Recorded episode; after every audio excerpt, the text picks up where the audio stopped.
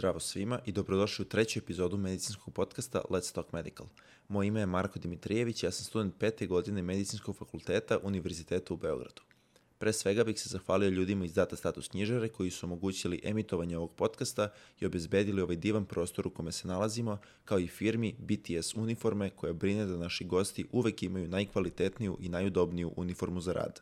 Gost u ovoj epizodi podcasta će biti profesor dr. Nenad Dikić, redovni profesor na Fakultetu za fizičku kulturu i menadžment u sportu i farmaciji. Dr. Nenad Dikić je specijalista sportske medicine, interne medicine, kliničke farmakologije kao i subspecijalista baromedicine. Predsednik je Udruženja za medicinu sporta Srbije, osnivač Antidoping agencije Srbije, član UEFA Antidoping komisije, FIBA nadzorni lekar kao i podpredsednik planirarskog društva Avantura Team. Takođe je i autor brojnih domaćih i stranih naučno-istraživačkih radova i autor više od 30 knjiga. Njegovu radnu biografiju krasi rad sa najboljim domaćim i stranim sportistima, za čije uspehe je zaslužen i njegov tim iz Ordinacije za sportsku medicinu Vita Maxima. Pored akademske karijere, profesor je sa svojim planinarskim klubom dospio do base campa Anapurne i Mont Everesta, osvojio planinu Kilimanjaro, a kao instruktor ronjenja pomogao mnogima da upoznaju i podvodni svet. U ovom kratkom uvodu su izneti samo najzanimljiviji delovi njegove biografije, koja je zaista preobimna i za zavideti, a ono čime se bavi trenutno i koje savete ima za nas saznaćete u ovoj epizodi. Uživajte! Poštovani gledalci, dobar dan i dobrodošli. Moj današnji gost u trećoj epizodi podcasta Let's Talk Medical je profesor Nenad Dikić, koji je specijalista sportske medicine, ali mnogo više od toga. A ono sve ovaj, o čemu se čime se bavio u svom životu ćete saznati u ovom podcastu, kao i u kratkom uvodu koji se nalazi na početku klipa. Dobrodošli i profesore, dobrodošli u treću epizodu. Kako ste danas? Treća sreća, da. Da, treća sreća. ovaj, hteo sam da vas pitam na početku, uh, pošto sam, evo, kao na početku epizode spomenuo već da ste završili četiri specializacije, ovaj, otkud pre svega želja i volja za tolikim radom i kako ste ovaj, došli do toga, do tog uspeha? Pa spontano, ovaj, to je ono što ljudi ne veruju kako može neko spontano da dođe, ali otvarale su se same po sebi, znači suštinski e, ovaj, intermedicina je kao bila neka želja, moja mama je bila doktor i tako dalje, onda ja sam ceo život samo to slušao, tako da nisam imao mnogo dilema ovaj, u principu čime bi se bavio. Ove, ovaj, tako da, bilo je tu dilema u okviru interne medicine da će biti reumatologija ili kardiologija, pa je negde ovaj, e, o stvari e, ovaj, ono, otišla, otišla kazaka više na stranu kardiologije, mada e, mas, ma, magistarski rad sam radio u reumatsku groznicu koja je bila mm -hmm. podjednako jedna i druga tema značajna za, zbog toga što sam u stvari radio kod vojnika, kod odraslih osoba koje su imale reumatsku bolest srca. A, I na taj način sam u stvari ne samo ovaj, uspešno branio magistarski, nego sam omogućio vojnicima koji su u stvari dobili reumatsku groznicu u vojsci, da a, a, ukoliko su dobili reumatsku bolest srca, ostanu osiguranici vojni, zato što je to zahtevalo kasnije operaciju. Mm -hmm. A, to je sada malo ovaj, virtualno za slušalce, odnosno gledalce, zbog toga što u stvari oni ne, moraju da zamisle veliku Jugoslaviju i onda to mešanje ljudi iz cele Jugoslavije i mešanje tih eh, ovaj, uh, um, različitih sojeva streptokoka uh mhm. -huh. i uh, razlog zašto su odrasli ljudi koji u principu ne dobijaju reumatsku groznicu, dobili reumatsku groznicu, zato što su prvi put došli sa nekim ovaj, streptokokom u kontakt koji u stvari je u stanju da proizvede sekvele ka, kao što je reumatska bolest srca i tako dalje.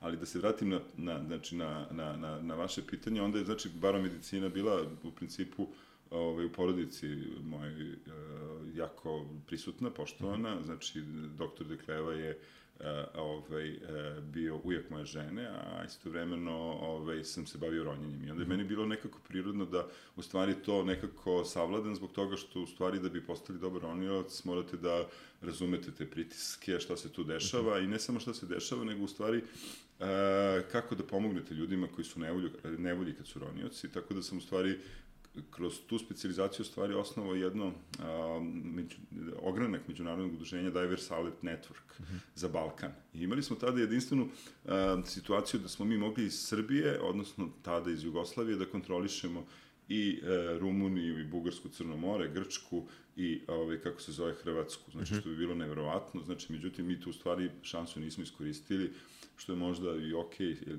mi nismo baš tipično ovaj, morska zemlja i tako dalje, možda nam to ne pripada, ali u svakom slu- slučaju imali smo jako veliki nalet, tada je bio radi sa Branislavom Mišom Živojnovićem, ovaj, eh, jednom od naših najboljih ronilaca koji je na, nažalost tragično preminuo ovaj, prošle godine u Torontu. S njim sam radio jedan veliki projekat i e, ovaj, vaši slušalci, odnosno već ne znam da, da, li, se, da li kažem gledalci ili slušalci, Oba, kako ko. da ovaj, a, mogu da pogledaju na YouTube-u Vertical Again ili ponovo uspešni film za koji smo mi dobili neke mnoge nagrade gde smo u stvari radili sa a, hendikepiranim roniocima. Mi smo učili hendikepirane ronioce da ovaj, a, a, hendikepirane ljude da zarone. Uh -huh. I a, Vertical Again je u stvari naslov koji sam ja dao zbog toga što smo mi vratili osovinu bez pomoći. Znači, prvi put nakon nekog incidenta koji je njih stavio u kolica, vertikalna osovina mi je vraćena tako što smo ih stavili u vodu i niko ih nije pridržavao. I to je bilo ovako veliko uzbuđenje za nas i za njih, naravno, nevrovatno uzbuđenje. I, Znači, štete što projekat nismo nastavili, ali to je sad opet e, problem uh, našeg društva koji ne vidi te ljude, ne vidi te ljude, ne vidi ni, ni ne želi da im pomogne nedovoljna empatija i sve ono što, što nas uh, u poslednje vreme krasi kao društvo. I tako, tako se to desilo. Onda se desilo da u stvari e, sam sa profesorom Živanićem počeo da se bavim sportskom medicinom, on me pozvao i rekao da mu pomognem i on je, znači, naš, e, što se kaže, e, rodonačelnik ove moderne sportske medicine, mada mi imamo ovaj, a, a, lider u sportskoj medicini još u prošlom veku. Kod nas je sportska medicina stala sigurno preko 100 godina. Znači, dovoljno da podsjetim gledalce na, slušalce na Montevideo film i da je Milutinac je, ovaj, kako se zove, je doktor, znači uh, futbaler u tom timu je i doktor, istovremeno je završio medicinu, istovremeno se bavio sportskom medicinom, odnosno bavio se dermatologijom, ali se bavio i sportskom medicinom, tada sportska medicina naravno ni postojala kao specializacija, njega su ubili a, ovaj, a, Nedićevci, ovaj, 43. Inače je to danas Dom zdravlja na Paliluli, a Milutinac je inače unuk Radomira Putnika, znači tako da je to jedna ovaj, kako se zove, svetla figura, pa smo imali Andrejku, pa smo imali nekoliko ljudi koji su u stvari e, pokušavali da objasne ljudima koji se bave sportom da moraju da budu pregledani. Znači, to je bilo od, a, nama od uvek, a, ovaj, kako se zove, rak rana. Znači, u stvari, ključni događaj se desio negde možda 1900, sad sam zaboravio taj datum, 25. na primer. E, postojala je utakmica Srbije nešto sa Donjom Austrijom na Kalemegdanu i uh, golman se zvao Tuško. Znači, on je udaren loptom i preminuo je. Uh -huh. U stvari, šta se desilo? On je imao ovaj, neprepoznatu malariju, imao je uvećanu slezinu i udarac lopte je doveo do toga da je rupturirala slezina i da je on iskrvario. Uh, naravno, to su saznali uh, post-mortem, je tako? A ovaj, to je izazvalo da se napravi jedan veliki, ovaj, kako se zove, fond i izazvalo je reakciju javnosti, stručne i sportske, da uh, futbaleri u to vreme moraju da počnu da se pregledaju. Znači, to znači, evo, to je bukvalno, znači 100 godina. 100 godina skoro. Tako da, ovaj, imali smo sjajne, sjajne, ovaj, kako se zove, e, profesore. Znači, profesor Živanić je 95. osnovu udruženja za medicinu sporta i onda je on rekao kao, a, pošto sam ja u stvari se bavio dosta tim organizacijim e, poslom u medicini, jer sam smatrao da um, mi ne možemo da čekamo kao lekari da nam neko drugi napravi uslove ili mogućnosti da nešto uradimo, saznamo, da se organizujemo, nego to moramo sami da uradimo.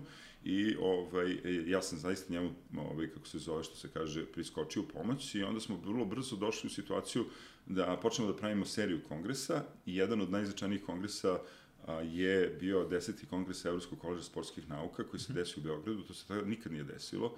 Nikada se nije desilo, znači da se u Beogradu napravi e, kongres e, međunarodne organizacije, ali pod kapom međunarodne organizacije. Znači, uvek se dešava da kod nas kad pročitate da je to neki međunarodni kongres, u stvari mi imamo međunarodne predavače, a da su slušalci domaći. Mm -hmm. ovde, ovde smo mi imali hiljadu gostiju iz inostranstva, imali smo, ne znam, skoro 100, ovaj, kako se zove, Engleza, Japanaca i tako dalje. I tako je ta, znači, stvar sa sportskom medicinom počela da se razvija, znači, mi smo, znači, značajno uticali na i na zakonodavstvo, s jedne strane i na edukaciju. Znači, članovi udruženja ovaj, su napisali zajedno sa mnom nekih 30 knjiga. Uh -huh. ovaj, I nismo mi napisali zato što smo mi bili u principu samo, kako bih rekao, eto, željni pisanje, nego zato smo shvatili da smo mi toliko mala nacija, da ukoliko mi to, ovaj, kako se zove, ne napišemo i pokažemo ljudima, da to niko neće znati.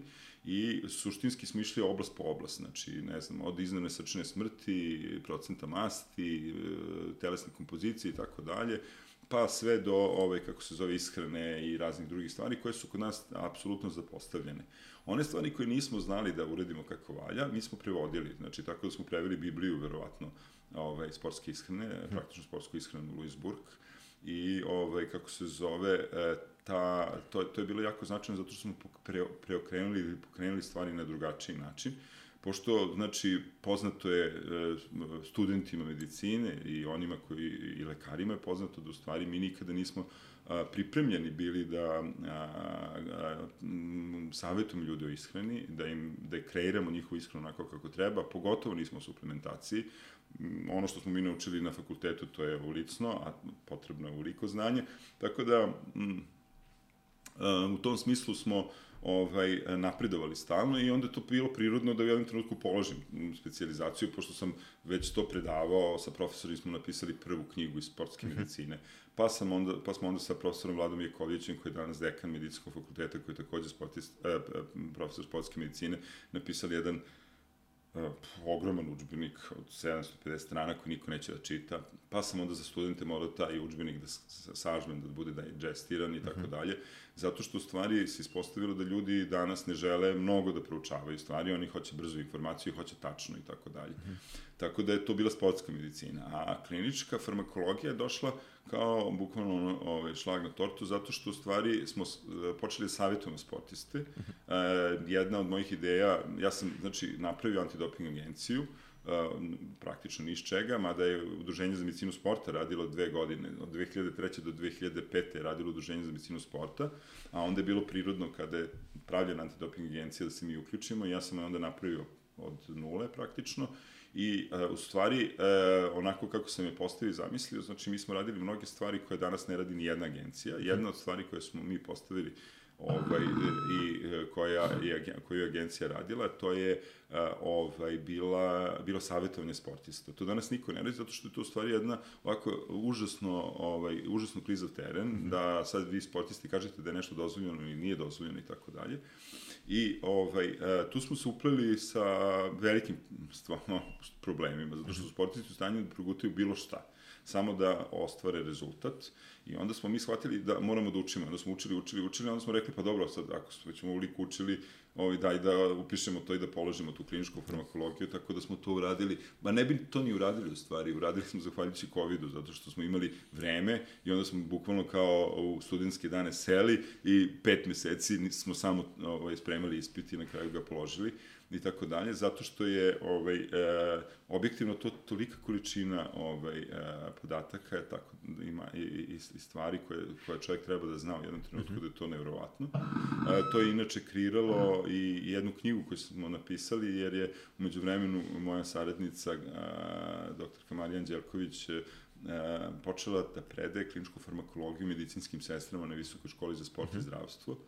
I onda smo opet napisali knjigu. Znači, stalno pišemo neke knjige jer u stvari e, jedna od teza je da a, e, ako već nekom nešto predajemo, mora da, im, mora da postoji knjiga. Ako ne postoji mhm. knjiga, onda ne treba da predajemo.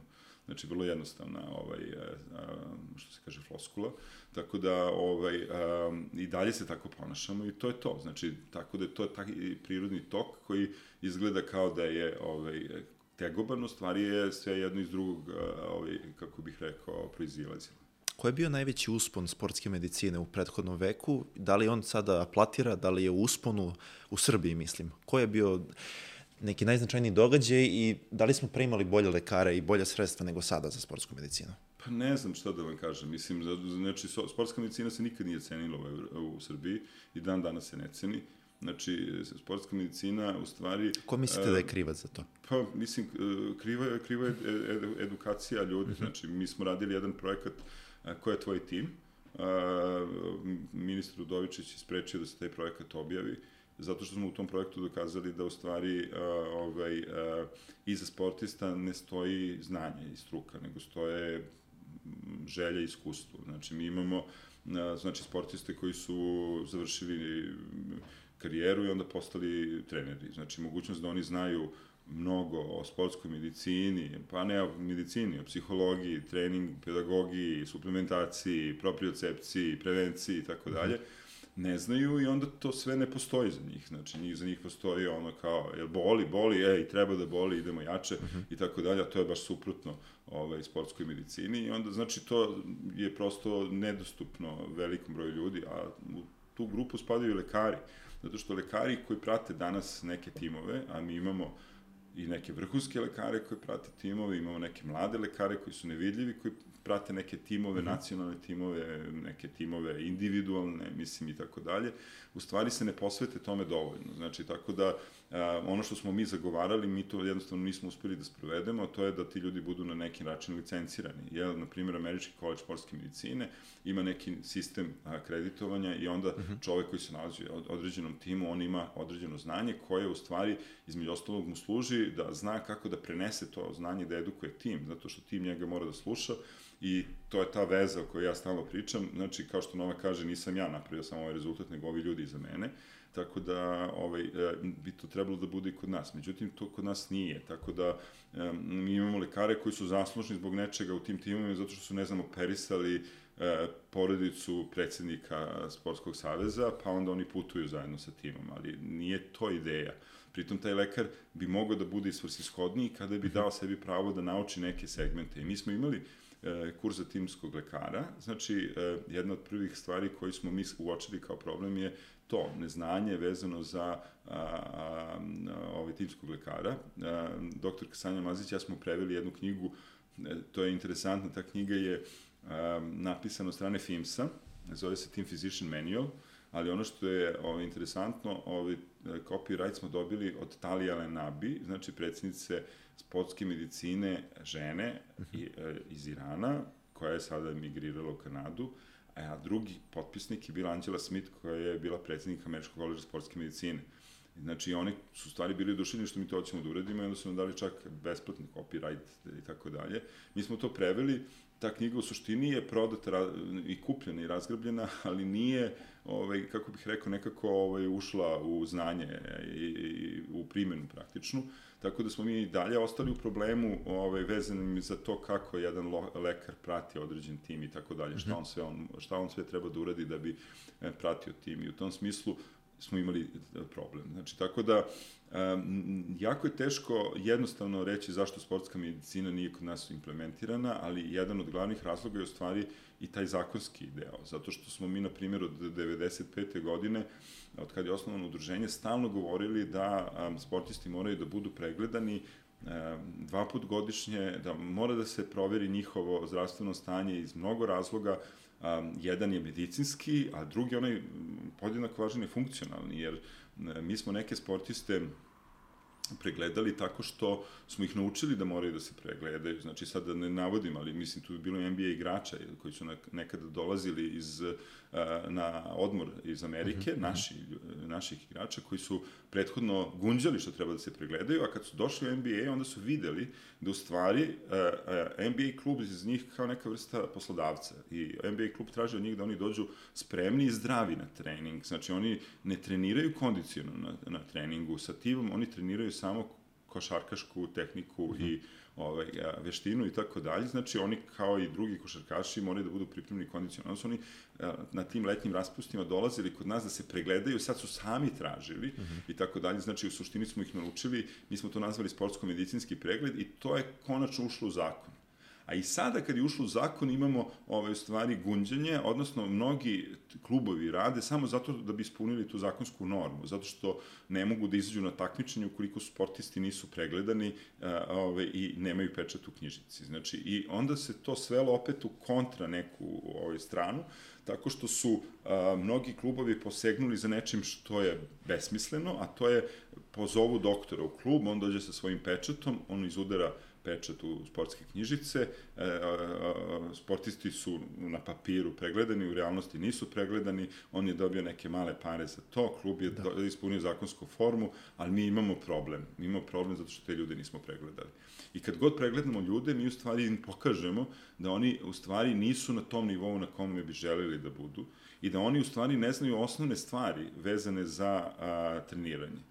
Jedna od prvih knjiga koja je bukvalno razgrabljena kao da je bestseller je bio monitoring srčne e, frekvencije u sportu i rekreaciji. Uh mhm. -huh. e, to je napisano i praktično je ušlo u štampu na dan kad je Đinđić ubijen. 2003. godine sa profesorom Živanićem smo to napisali, to je u stvari bila ideja da im kažemo, ljudi, morate da gledate srčnu frekvenciju, to je vama najvažnija stvar. Znači, jedini način da vidite da li dobro trenirate, da vidite taj intenzitet. A to oni nisu razumeli, to dan danas ne razumeju. Znači, vi dan danas ne, imate e, nacionalne timove, imate gomilu ljudi koji uopšte ne kontrolišu to. Znači, na, a s druge strane imate neke e, nevjerovatne rekreativce koji ne samo što to kontrolišu, nego sebe na taj način, ovaj, kako se zove, prate i tačno znaju gde se nalaze. Ali mislite da recimo taj, taj parametar ovaj, srčane frekvencije treba da uđe u, u racionalnu i normalnu upotrebu kao što je recimo merenje krvnog pritiska kod starijih osoba, samo što je ovo nešto što bi moglo da bude tu prisutno svima nama, da konstantno gledamo taj, taj parametar ušao. i da živimo sa time. Pa, pa, on je ušao, on je ušao. Ušao je možda nesvesno preko onih uh, smartwatcheva i... Pa dobro, ušao je i ako pogledamo klasično ovaj, uzimanje propedetiku, znamo kakav je puls. Jer znamo da li, da li to sinusni ritam, znamo da je puls dobro punjen, znamo na osnovu toga da ocenimo nešto, znamo. Zašto to ne uzimamo više u obzir? Ne znam. Znači, mi znamo šta je resting heart rate. Znači, to je problem što resting heart rate ljudi e, podrazumevaju da je to neki sad puls u mirovanju. Znači, da je, recimo možda ja, evo sad ovde sedim već dovoljno dugo u ovoj stolici, uh mhm. -huh. to meni nije resting heart rate. Resting heart rate je onaj o, puls koji e, e, imamo u trenutku buđenja, dok smo u krevetu, u horizontalnom položaju i tako dalje, i taj puls u stvari je jako bitan, zato što on e, odražava naše fiziološko stanje. Znači, mala, malo variranje tog pulsa, jutarnjeg pulsa, u stvari e, ukazuje na to da li smo premoreni, da li postoji zamor kod sportista, da li postoji neka bolest, znači zna, zna se da bolest dovodi do toga da se puls ubrzava, da li postoji temperatura i tako dalje, opet se puls ubrzava. Postoji niz stanja kad se puls ubrzava i postoji još jedan trenutak kada ustanete iz kreveta, spustite noge i pod, vertikalizujete se, da dolazi do hidrostatike, odnosno um, dolazi do potrebe da taj puls skoči. Taj puls kod normalne osobe treba da skoči svega 10 otkucaja. Mhm. Kod velikog broja ljudi skoči 20, 30. Šta to govori? tom lekaru ili tom sport, sportskom treneru, govori o tome da taj sportista nije dobro pripremljen, da njegov mišić nije do, do, snažan, da ne mhm. reaguje dobro. I sad on može da ima sve, uh, kako se zove, parametre dobre. On može da ima savršenu krvnu sliku, savršenu biohemiju. On može da ima divan EKG i može da ima normalan krvni pritisak. Ukoliko ima ovo, znači, uh, ovaj, kako se zove, poremećeno, znači on nije zdrav. Kao što za mene nije niko zdrav ko ima manju aerobnu sposobnost I to se stalno dešava. To se apsolutno stalno dešava. Evo, ja sam sada na ordinaciji gde radim, uh, pravio se neki foto session, pa su me zamolili da pregledam uh, glavnu sestru. Ja sam mm -hmm. rekao, hoću, ali neću za foto session, hoću pod uslovom da uradimo test, a fotograf nek snima i radi ono što on želi da uradi. I mi smo pregledali, ja sam je pregledao i ona je zdrava medicinski rečeno, onako kako vas sad uče na fakultetu, ona je zdrava. Znači, on ima sve parametre zdrave, on ima normalan pritisak, on ima normalan EKG, ali njena aerobna sposobnost je ispod donje granice žestoko. Znači, ona je, što kaže ta Ameri skala Američkog koleđa sportske medicine, poor. Uh mhm. -huh. I sad, da li čovjek treba sebi da dozvoli da ima a, slabu aerobnu sposobnost koja je direktna mera kondicije? Da bi slušalci, odnosno gledalci razumeli, to je ona količina kiselnika koju mi a, doturimo velikim grupama mišića u trenutku kad radimo nešto. Sad, da li je normalno da ako bilo ko od ljudi koji ne radi ništa, ne vežba, potrči za autobusom i izgubi dah i ne može se povrati posle toga? Ili ode u prodavnicu i ne može sa jednom kesom da izađe na treći sprat, odnosno a, ovaj, kako se zove, ne može da se povrati od, od, od tog nedostatka a, kiselnika. Znači, ljudi su zaboravili da vežbaju i zaboravili su da, a, ovaj, kako se zove, a, a, se bore protiv faktora rizika. Tako da je tu sportska medicina u stvari možda poslednji, e, a, poslednji bastion, poslednja prepreka a, a, a, prihvatanju jednog a, a, načina života koji nas definitivno vodi u problem, jer a, današnji ljudi umiru samo od hroničnih nezaraznih bolesti i sve hronične nezarazne bolesti nastaju zbog toga što živimo loše, odnosno ne, ne, ne, ne borimo se protiv određenih faktora rizika gde je fizička aktivnost svakako na prvom mestu. I to je opet poruka mojim studentima, poruka budućim lekarima i tako dalje, da fizičku aktivnost moraju da a, prosto, ovaj, kako se zove, a, ne respektuju podjednako kao lek. Mhm. -huh. I ono što je naš profesor Živanić govorio, što je parafraza neke e, mudrosti iz 18. veka, to je da fizička aktivnost može da zameni mnoge lekove, ali ni jedan lek ne može da zameni fizičku aktivnost.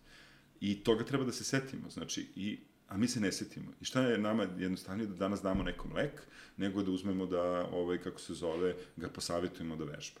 I... Koji procenat srpskog stanovništva trenira po poslednjim podacima. Mislim pa, da ste mislim, ih vi... To ne znam, šta, mi nemamo te podatke, uh mhm. -huh. kao što nemamo naravno podatke i statističke vezane za ozbiljne bolesti, ali kako god smo mi pokušavali da radimo, kako god, da li smo računali fitness klubove, da li smo računali prema nekim anketama, da li smo gledali, ovaj, kako se zove, neku statistiku, mi nismo uspevali da shvatimo da, da dobijemo podatak da vežba više od 10% ljudi. Kad kažem vežba, znači sad će se mnogi naći uvređenim, zato što kao pa ja vežbam. Znači, igranje futbola, malog futbola petkom, to nije vežbanje, znači uopšte, to nije nikakvo vežbanje. Hodanje i, ovaj, kako se zove, ne znam, opet vikendom i tako dalje, to nije vežbanje. Vežbanje je samo ovaj, redovna fizička aktivnost. Redovna podrazumeva bar tri puta nedeljno vežbanje i e, to je prvi uslov. Drugi uslov je da ta fizička aktivnost bude na određenom intenzitetu. Znači, kod zdravog čoveka to je vjerovatno negde oko 75%. To znači, um, u prevodu, ako bi vi i ja hodali, ili ovo radili sada uh, hodajući, uh, mi bi trebali onoliko brzo da idemo da ja praktično uh, uh, gubim dah ili mi nedostaje dovoljno vazduha da mogu da pričam s vama i da hodam. Znači, to znači intenzivna, intenzivna aktivnost. I ta aktivnost treba da traje najmanje 30 minuta. Znači, naravno, vi sad kad odete e, i pogledate, e, ove, različite asocijacije daju različite, e, e, kako bih rekao, savete, ali preporuke. Ali, znači, suština je ta. Suština je da mi moramo organizam da dovedemo u određen ritam, da uobročimo organizam, da to postane rutina, zato što u protivnom, ako to ne uradimo, e, fizička aktivnost postaje za nas stres. Znači, i e, Američki koleđ za sportsku medicinu pronašao da to u principu treba da bude aktivnost koja se sprovodi najmanje tri puta nedeljno, zato što u suštini to logično. Znači, Sa logično, recimo jednim danom pauze između. Pa može da bude, mogu, mogu da budu i dva dana mhm. pauze, znači, ali nekako u sedam dana bi bilo logično ako želite da nešto kao trenirate, pa bilo šta da radite. Znači, i, i, da čitate knjigu, mhm. morate da čitate nekako redovno da bi zapamtili ono šta, šta piše unutra i tako dalje. Znači, da, ovaj, kako se zove, e, e, se to desi tri puta. Znači, i tu sad ima različitih drugih stvari, koliko to traje ukupno na nedeljnom nivou, koliko je to kalorija i tako dalje i tako dalje. I to je ono što smo mi, znači, gledajući, gledajući, ima, mi, tu postoje neke IPAC skale, gde smo mi uh, International Physical Activity Questionary. Uh -huh. uh, i, I tu smo mi opet najgori, mislim. Znači, tu smo uh, uh, u topu, ovaj, top, na vrhu liste onih uh, aktivnosti koje su niskog intenziteta, a na dnu liste onih aktivnosti koje smo visokog intenziteta i ne radimo dovoljno. I to je vrlo jednostavno napravljeno zato što su evropljani u stvari stalno pokušavali da vide gde se ljudi nalaze i onda su napisali to koliko ste ove, ove nedelje imali aktivnosti koja je visoko intenziteta ovog onog, pa se to sabere i onda se u jednom algoritmu dobije ta neka vrednost gde, vas, znači, on klasifikuje da li ste, ovaj, kako se zove, dovoljno vežbali ili niste dovoljno vežbali. Znači, tako da to mogu da preporučim, to, slušalci mogu da nađu na internetu, to je dostupna skala, nema ograničenje, ne plaća se i tako dalje, samo moraju malo da se zainteresuju i vidjet će da, ovaj, kako se zove, mogu da se računaju. E, najbolja preporuka je u stvari da se ljudi nekako trgnu, shvate da, pored svih obaveza koje imaju, imaju obavezu prema sebi, da je to jedino vreme, verovatno, koje mogu da kvalitetno posvete sebi i da moraju da vedu neko vežbanje, znači. I tu je sada taj problem kao ja, doktore, ne mogu da idem u fitness centar zato što to košta. Kažem, dobro pa ja ne mogu ovo, pa ja, ja ne, ne, ne volim da, ne znam, sad trčim, pa dobro, kažem, jer volite da plivate, idite na bazen, pa ne mogu da platim bazen. I onda, smo, onda smo mi napisali čak jednu knjigu Zdravo srce za sve, gde smo a, a, rekli, ili imate stolicu? Onda su oni rekli, imamo. E pa, znači, samo sa stolicom ćete moći da vežbate kod kuće. I onda smo napravili te vežbe. Te vežbe smo do duše napravili više za ljude koji su bili u nekom riziku kardiovaskularnom, mm -hmm. zato što se zove Zdravo srce za sve ali ovaj, suštinski, na primjer, imali smo model e, bivšu sudinicu u penziji, koja je u stvari doterala i svoju težinu do određenih vrednosti, a i svoju e, kondiciju, do, mhm. spu, tako da je sebe ugrozila bukvalno.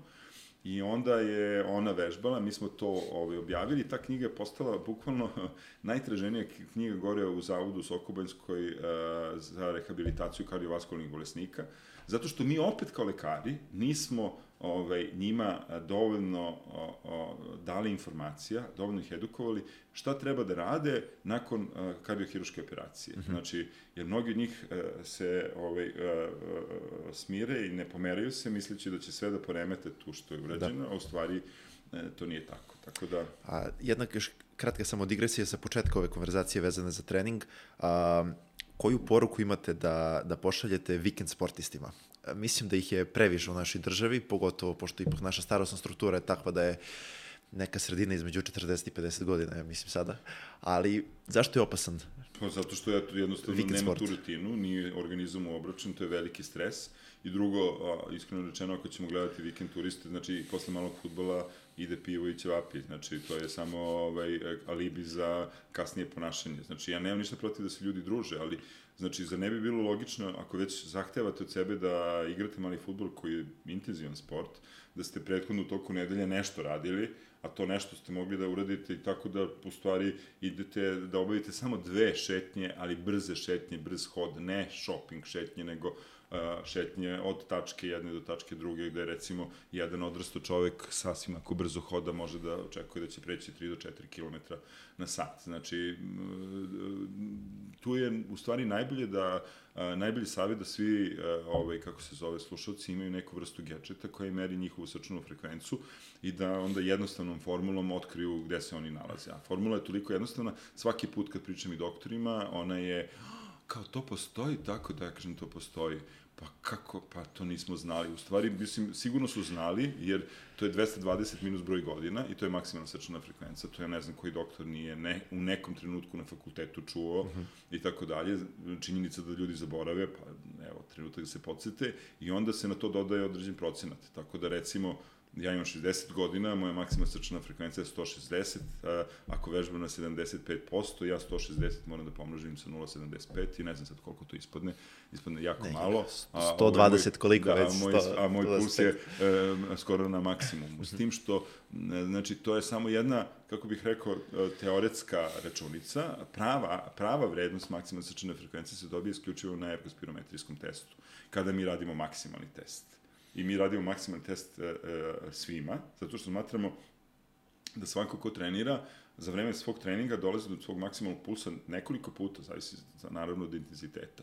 Tako da u stvari pokušavamo za, na tom maksimalnom testu s jedne strane da utvrdimo da je on zdrav, a s druge strane da utvrdimo da ovaj, ima odgovarajuću aerobnu sposobnost ili nema i da treba da digne. Znači, ona medicinska sestra znači, je u stvari e, e dobila savet da se bavi fizičkom aktivnošću. I šta je onda ona rekla? Ja, ja ne mogu, ja, ja imam porodicu, ja imam e, čerku, ja imam posao, ja imam ovo, ja nemam kato da vežbam. I onda sam ja razmišljao i rekao sam, dobro, a gde stanujete? A gde radite? I onda smo shvatili da stanuju u Zemunu, a da radi na Slaviji. I onda smo smislili caku koju ona još nije sprovela, znači da ona u stvari od Zemuna pešači do Brankovog mosta, da onda uđe u autobus i da onda ove, ovaj, stigne na Slaviju gde radi. E, znači, to je jedna od varijanti gde znači ona samo korisno potrebi pola sata svog života svakog dana da aerobno ovaj kako se zove e, vežba odnosno da odradi kardiotrening i tako dalje. Tako da u stvari vežbanje ne mora da bude vezano nikada za neke skupe stvari, za opremu, za fitness klubove, može da bude jednostavno. Na kraju krajeva naš taj guru, ovaj, Astrand, profesor Astrand je rekao ako baš nemate nikakvu volju, kupite psa, zato što ćete onda morati da ga izvedete bar dva puta dnevno i to je to. Tako da ovaj, da. pas je dobar, dobar, dobar terapeut za ovaj, lenje, lenjivce koji neće da vežbaju. A ovaj, šta više vi savjetujete pacijentima, pogotovo onima koji su ovaj, prošli kroz neku ozbiljnu bolest, biciklizam, trčanje, planinarenje, od tih aerobnih sportova, ko je po vama najbolji? Pa to je najbolje ono što taj čovjek voli, zato što, kao što sam rekao, ne, mnogi ljudi ne vole ovaj, trčanje. Znači, mnogi ljudi ne znaju da trče, znači, samo da se razumemo. Znači, trčanje se uči kao biciklizam. E, bicikl, biciklo, kao bic, znači, jednostavno, da bi nauči čovjek da vozi biciklo, mora da ovaj bicikl ili biciklo, biciklo to on zvuči na ovaj moj ovaj prečanski deo. Znači, ovaj mora da ovaj e, nauči ravnotežu da drži uh mhm. -huh. i u jednom trenutku, evo, ja sam naučio, naučio sve obe unuke da vozi bicikl, znači tako što u stvari ta ravnoteža kad se zavlada, posle toga to normalno funkcioniše, ali i, i disanje je problem. I disanje je postalo jako popularno kod nas i sada imate tu i gomilu doktorki i farmaceutkinje i tako dalje. Sa nekima sam ja trčao kao svojim prijateljicama, uh mhm. -huh. drugaricama i onda gledam, mi nikako da povećamo intenzitet. I kažem, pa dobro, ajde, kreni, ne mogu. I onda ja shvatim u stvari da ona ne diše uopšte, odnosno da ne, ne, ne spušta dovoljno dijafragmu, da ne udahne dovoljno, da nema ritam, ritam opet određuju ljudi sami. Znači, neko mm -hmm. može da hvata vazduh na dva, na tri koraka i tako dalje. U početku samo čovek misli na to, posle toga to postaje automatska radnja i tako dalje, ali ovaj, u svakom slučaju bilo koja a, kardioaktivnost, znači kardioaktivnost podrazumeva da vi držite u stvari određenu srčanu frekvencu koju ste izračunali, za koju smatrate da je povoljna za srce, znači recimo kažem da je to 75%, mm -hmm. ovaj, kako se zove pod uslovom da ste zdravi, ovaj, da držite određeno vreme. Pa sad, da li su to roleri? Da li je to trčanje? Da li je ovo? Možda bude i kružni trening. Recimo, uh, bilderi greše u tome što prave veliku uh, uh, pauzu između dve vrste naprave ili mhm. između dve serije. Suština je da to treba jako brzo, možda sa 30 sekundi između serija i sa možda, ne znam, minut i tako dalje, oni to bolje znaju od mene, ali suština je da se održi srčana frekvencija na visokom nivou, tako da pored znači vežbi snage, mi istovremeno držimo ovaj, jednu vrstu kardiotreninga i to je poznat kružni trening za ljude koji to ne vole. Znači, zato što imate mnogo ljudi koji vežbaju, a koji uopšte ne rade kardiotrening jer smatraju kardiotrening nebitnim. A s druge strane, ne shvataju da je taj mišić, taj mišić glavni, a ne ovi mišići, i da je to pitanje, ovaj, kako se zove, samo razumevanja. Ovo je jedan specifični propočno prugasti mišić koji ima samo malo drugačiju anatomsku građu i koji od trenutka kad se rodimo do, do, do poslednjeg daha uh, kuca od 60 do 80 minuta. Znači, nelogično je da jedino taj mišić ne vežbamo, a da sve ove druge vežbamo, logično je da vežbamo u harmoniji sve te mišiće. Jasno, ali taj mišić se ne vidi, on je unutra. A pa, ovo što je s polja se vidi, pa, može da, da raste. Pa to je ta edukacija, to je, to je ta edukacija to, koja ja govorim, znači stalno se priča o tome. Jer, kažem, i dalje je ne, nelogično, ja sam gledao, znači, bio sam u tim školama u Sloveniji, znači, deca u osnovnoj školi imaju heart rate monitoring. Uh mhm. -huh. Mi nemamo danas heart rate monitoring. Mi smo, pa, sa profesorom Živanićem smo jedva ušli u Crvenu zvezdu svoje vremeno, još u prošlom veku i tako dalje. Ja ne znam da oni imaju sad heart rate monitoring, verovatno imaju. Znači, danas kad se futboleri skine, skinu, vi, gledalci kažu nose brus haltere, ne nose, nose, ne nose brus haltere, nego nose specifičnu napravu na leđima uh mhm. -huh. i pojas koji im daje i srčnu frekvencu, i GPS koordinate, i, i razne druge stvari mogu da mere. To je njim, potrebno njihovom doktoru i kondicijnom treneru. Ja sam na da, treningu uh, futbolskog kluba Lyon, uh, znači prisutnom treningu, ja, trener sedi iza dva kompjutera i gleda samo šta rade igrači. Znači, on tačno zna koliko ko može i vidi ko uh, nije dobar, znači, i to onda nadoknađuje individualnim treninzima. Ali, znači, on ih jednostavno monitoriše svo vreme. Tako da, i ono što mi dobijemo danas zahvaljujući kad, e, tehnologiji kada gledamo prenos, znači mhm. koliko je ko pretrčao, ko, dobili bi mi pulseve, nego je to do neke i zaštićena privilegovana informacija koja je važna za rada, nije važna za gledalce, ali da, znači da. to su ogromne distance i tako dalje, ovaj, e, za koje je jako važno da je futbaler spreman, jer u stvari, e, kad pogledate premier ligu, oni trče 90 minuta, oni trče 90 minuta isto kao što trče prvi minut, tako da, da. to je ovaj, sve stvar, kako bih rekao, treninga i razumevanja. I ta edukacija je jako važna, znači edukacija je važna za obične ljude, edukacija je važna za eksperte, mhm. stručnjake koji se bave u sportu i edukacija je važna za sportiste. I onda smo mi u stvari e, tu shvatili da mi ne možemo lako da naučimo stručnjake, jer oni smatraju da su oni bogom dani, znači da oni to znaju, kao šta sad, kao ja ceo život treniram futbol, e, igram futbol, pa valjda znam i da ga treniram. Ne znaš, brate. Znači, i s druge strane, onda smo shvatili da moramo da naučimo sportiste.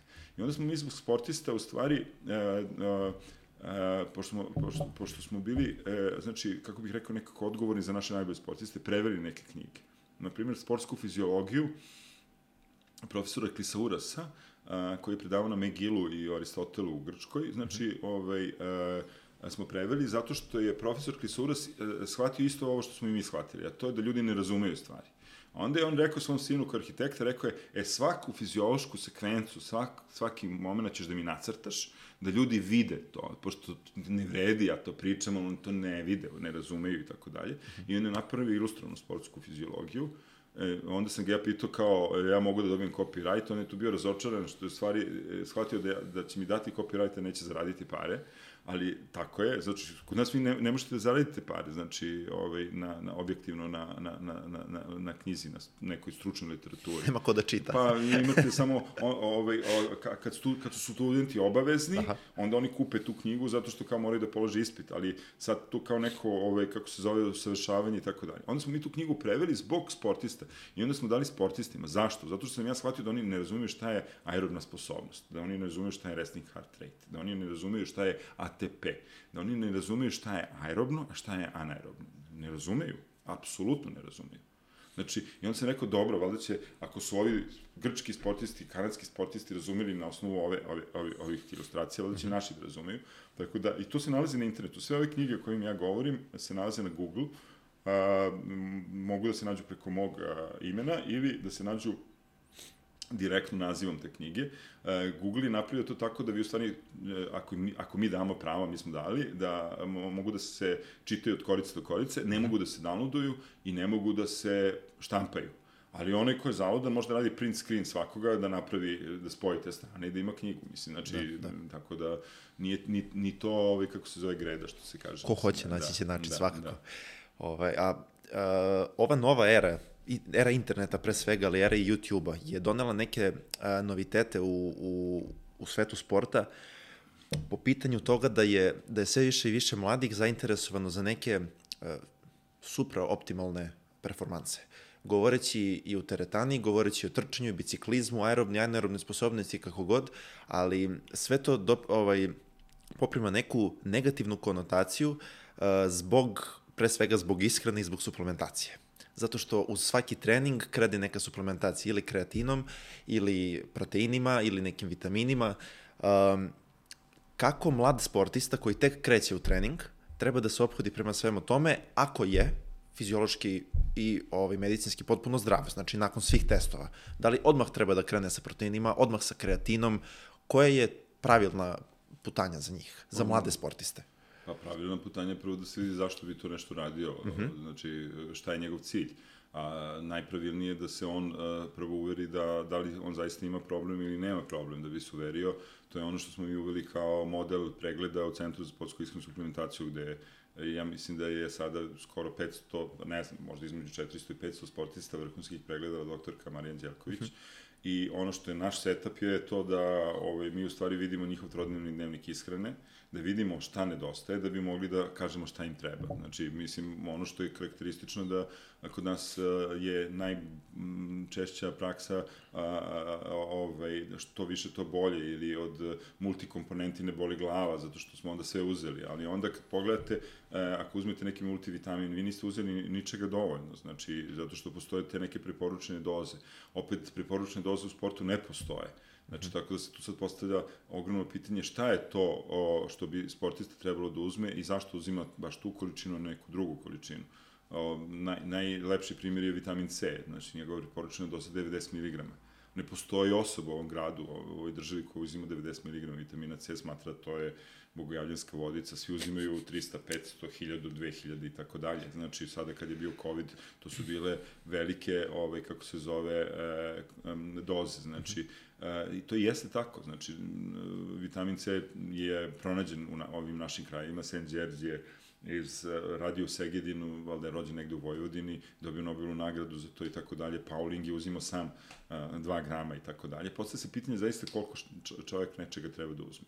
Ono što smo mi otkrili da definitivno nama uh, ne fali B vitamin, zato što mi jedemo stalno hleb sa svim stvarima i tu ima sad B vitamina raznih. Fale nam možda neki B vitamini iz B kompleksa, ali onda ako nam fale taj, taj, ako nam fali taj vitamin, mi onda trebamo da uzimamo samo taj vitamin, ne treba da uzimamo stalno kompleks, znači zato što onda treba da nadoknadimo, ako nam fali B1, onda nam fali B1, znači ne fali nam i B2 i B6 i tako dalje, znači, ali u suštini, ovaj, kako se zove, B vitamini nam generalno ne fale, mm. ono što nam sigurno nedostaje, to je uh, vitamin D, I onda opet tu imamo problem. Ako uzmemo multikomponentni vitamin, onda tu vitamin D se nalazi u maloj koncentraciji.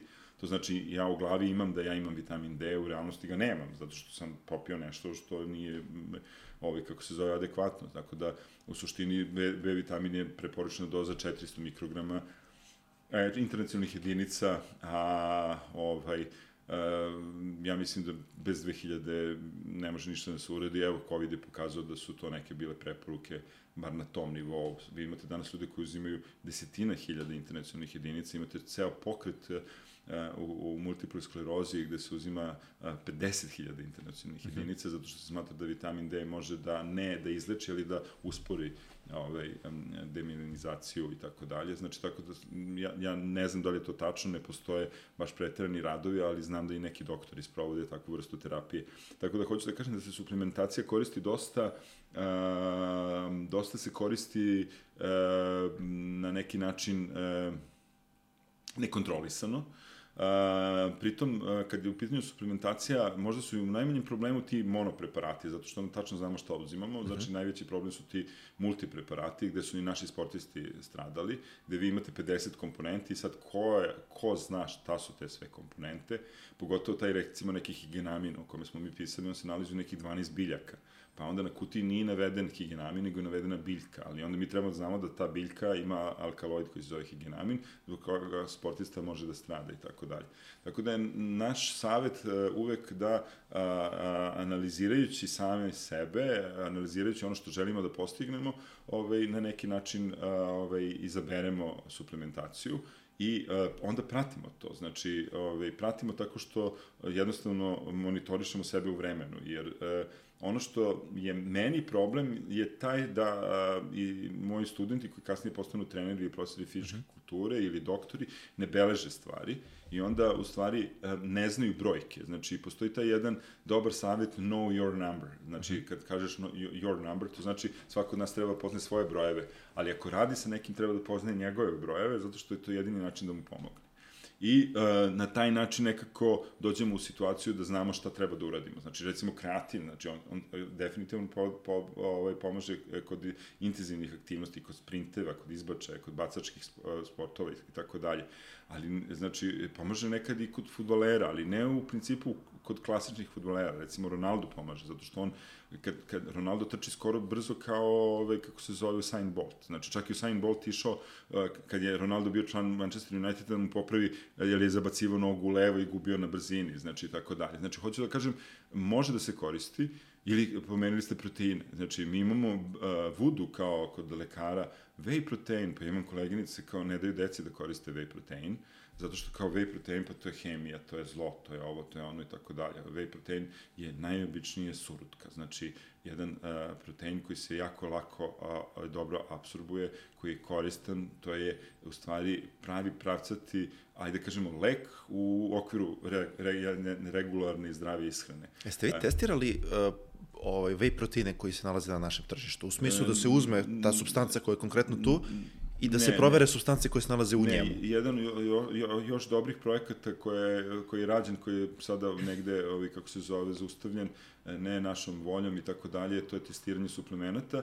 Ja sam ovaj, radio sa, pregovarao sa Kelnom, koji su u stanju da testiraju suplemente i oni imaju tu mogućnost da a, ovaj, istestiraju određen suplement tako što kažu da se u tom suplementu ne nalazi određen spisak anabolika i određen spisak stimulanasa koji u stvari a, jesu problem u ovaj, kako se zove savremenom sportu. Um, whey protein, ja mislim da skoro i da nema razloga da se testira, zato što je to čista surutka. Znači, naravno, ukoliko taj sad whey protein uh, nije u nekom specijalnoj kombinaciji kršten različitim uh mhm. -huh. drugim substancama, ali ono što je preporuka, to je da se uzima uh, izolat, I ono što ja volim, na primjer, to je bez ukusa, zato što, zašto, zašto bi ja imao u svakom, uh, svakom ovi šolji vanilu ili čokoladu kao glavni ukus, uh, glavni ukus je ono što ja hoću, znači nekad je to banana, nekad je malina, nekad je višnja, nekad je ovo, nekad je ono, nekad nije ništa i tako dalje, ali znači suština je da i najjači ljudi na zemljinoj kugli, ove, i to su ragbisti i ovaj, američki futbaleri u stvari da bi održali svoju težinu, pošto su oni jako bo, bo, i sami bore sa time da ne mhm. pređe određene granice i da imaju telesnu kompoziciju gde ne dominiraju masti, znači za razliku od naših ljudi koji im veruju da što je veće da je bolje, ali nije tačno. Znači, oni, na primjer, često večeraju tako što naprave samo šejk od veja znači sa određenim komponentama. Recimo, jedan jednostavan recept kao što smo davali ovaj, i a, sportistima, to da se u, u jogurt stavi vej, da se stavi čija, da se stavi banana i eto ga, ovaj, kako se zove, a, ukusan obrok koji ima sve. Znači, samo što nije klasičan srpski obrok koji ovaj, je pun kalorija, masti i tako dalje. A šta znači previše proteina? Pa, mislim, ljudi vole da uzimaju previše proteina. Znači, a, proteini su u principu jako lako ovaj, odrede, znači tako što na kraju krajeva vi danas imate na svakom proizvodu koliko ima proteina, znači jednom čoveku treba koji ne vežba negde 0,7 grama na kilogram. To znači uzmete svoju težinu, pomnožite s njim i toliko vam treba proteina. I sad, znači, ono, u zavisnosti od proizvoda, a, mi nikad ne nemamo problem s proteinima, zato što mi jedemo puno mesa. Znači, mislim, suštinski mi, mi imamo više proteina. Da bi proteine iskoristili, pošto ih ne koristi organizam za energetske potrebe, osim u situacijama kada je to bilo, kada je neophodno, kao što je rat ili evo sad zemljotres i tako mhm. dalje i tako dalje, znači on, on mora da se ugradi u mišić, da bi se ugradio mišić, onda čovjek mora da vežba, znači jednostavno ne postoji ta i ta zamišljena stvar, ja sad kao jedem proteine pa ću da budem snažan, postoji samo ako jedem proteine i vežbam. I onda kako moja vežba raste, tako se povećava, ovaj, kako se zove, mogućnost da se ti proteini ugrade u mišić, tako da, ne znam, bilderi, iako nema za to mnogo dokaza, uzimaju do 3 grama, a ovi drugi sportisti se nalaze između između tih recimo 0,7 i 3 uh -huh, i tako dalje. Znači tu postoji mnogo preporuka. Znači uzme se bilo šta pogleda se, ovaj uh, mi smo stavili ovde isto neke preporuke. Znači i na osnovu toga se čovek vlada. Uh, merica veja je 25 grama. Znači to znači ako ja imam um, 70 kg, 0,7 ovaj, kako se zove mi je potrebno proteina, uh -huh. to je znači 49 grama, merica je 25, to znači ja sam pola proteina uzeo samo s jednom mericom whey proteina. Znači, da. u suštini, mi ne, nama nedostaju, ne, ne nedostaju proteini, mi imamo uvek dovoljno proteina, mi imamo uvek višak masti, kako god računamo, opet imamo višak masti, zato što su masti potrebno da se unesu negde do 30%, uh -huh. a ostatak su ugljeni hidrati. Naravno, tu sad postoje neke specifične dijete gde e, se izbacuju ugljeni hidrati, to su takozvane keto dijete, ali za to čovjek treba da ima određeno znanje i da pazi šta radi, znači, naravno, pogotovo ako to želi da upotrebi za neki uh, uspeh u sportu. Znači, i Louise Samaburg, koja to radi, i uh, Tim Noakes, uh, jedan od, verovatno, ljudi koji bi trebao da dobiti Nobelovu nagradu za to trčanje i tako dalje, ovaj, za, za, za razmišljanje o trčanju, za implementiranje trčanja u ljudsku, ovaj, kako se zove, kao ljudsku, ljudsku aktivnost. Znači, e, kažu da bi mi možda mogli da promenimo e, ishranu, da ne bude višak uljenih hidrata, nego da bude višak masti, ali za to stvarno je potrebno određeno predznanje i praćenje, zato što višak masti naravno nas ugrožava jer moram da podsjetim da je jedan od glavnih faktora rizika za naše zdravlje mast i to pogotovo loš holesterol. Tako da vi danas kada gledate određene bolesnike sa kardiovaskularne, sa hiperlipidemijom, sa a, hipertenzijom i tako dalje, gledate gde se nalazi loš holesterol i pokušavate da rušite loš holesterol i na taj način vraćate u neke normalne granice, odnosno smanjujete rizik da oboli od bolesti i tako dalje. Tu sad postoje ti neki čartovi sa rizikom, pa se gleda u kom procentu će neko dobiti značajni događaj kao što je infarkt miokarda, moždani udar i tako dalje i tako dalje. I to se stalno menja. I ono što je važno opet za vaše gledalce, slušalce je to da oni shvate da mi živimo i da mi imamo tablice za razliku od drugih zemalja u Evropi visoko rizične. Znači, mm -hmm. ne znam, sad Nemci imaju nisko rizične tablice, a mi imamo visoko rizične tablice, što je totalno strašno, zato što je neverovatno da smo mi drugi po kardiovaskulnom oboljevanju u Evropi. A, znači, prosto se pitanje šta je to što ovo mali, ovaj mali narod od 6 miliona radi toliko loše da dođe ovaj, na tako ovaj, a, nezavidno mesto ovaj, a, a, po rizicima. Znači, hoću da kažem da m, to sve nekako čovjek treba da zna da bi, ovaj, kako se zove, se i pravilno hranio mm -hmm. i mhm. pravilno suplementirao. Jer e, ovo što se kod nas dešava, to je sada jedno Twitter, e, socijalno pripisivanje s društvenih mreža i tako dalje. To je jedna polipragmazija i mi smo o tome pisali. Znači, jedan rad koji smo objavili davno, davno, još na početku rada antidoping agencije, bila je upravo ta polifarmacija. Znači, zato što se kod nas uzima puno, pre, puno suplemenata koji su isti. Znači, e, da ne kažem da su neki suplementi, e, ovaj, kako se zove, štetni.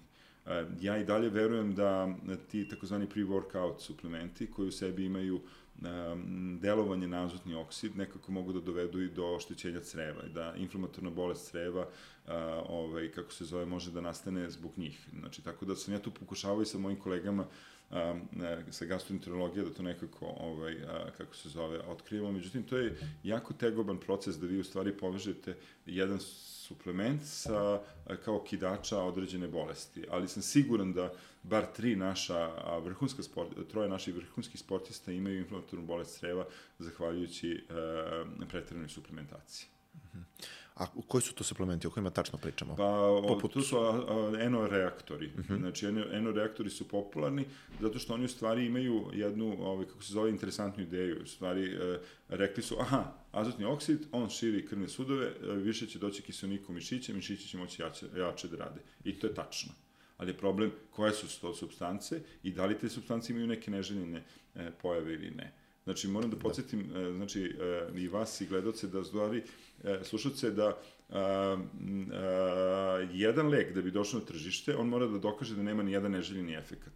Jedan suplement se povlači sa tržišta kad se dokaže da ima neželjeni efekt.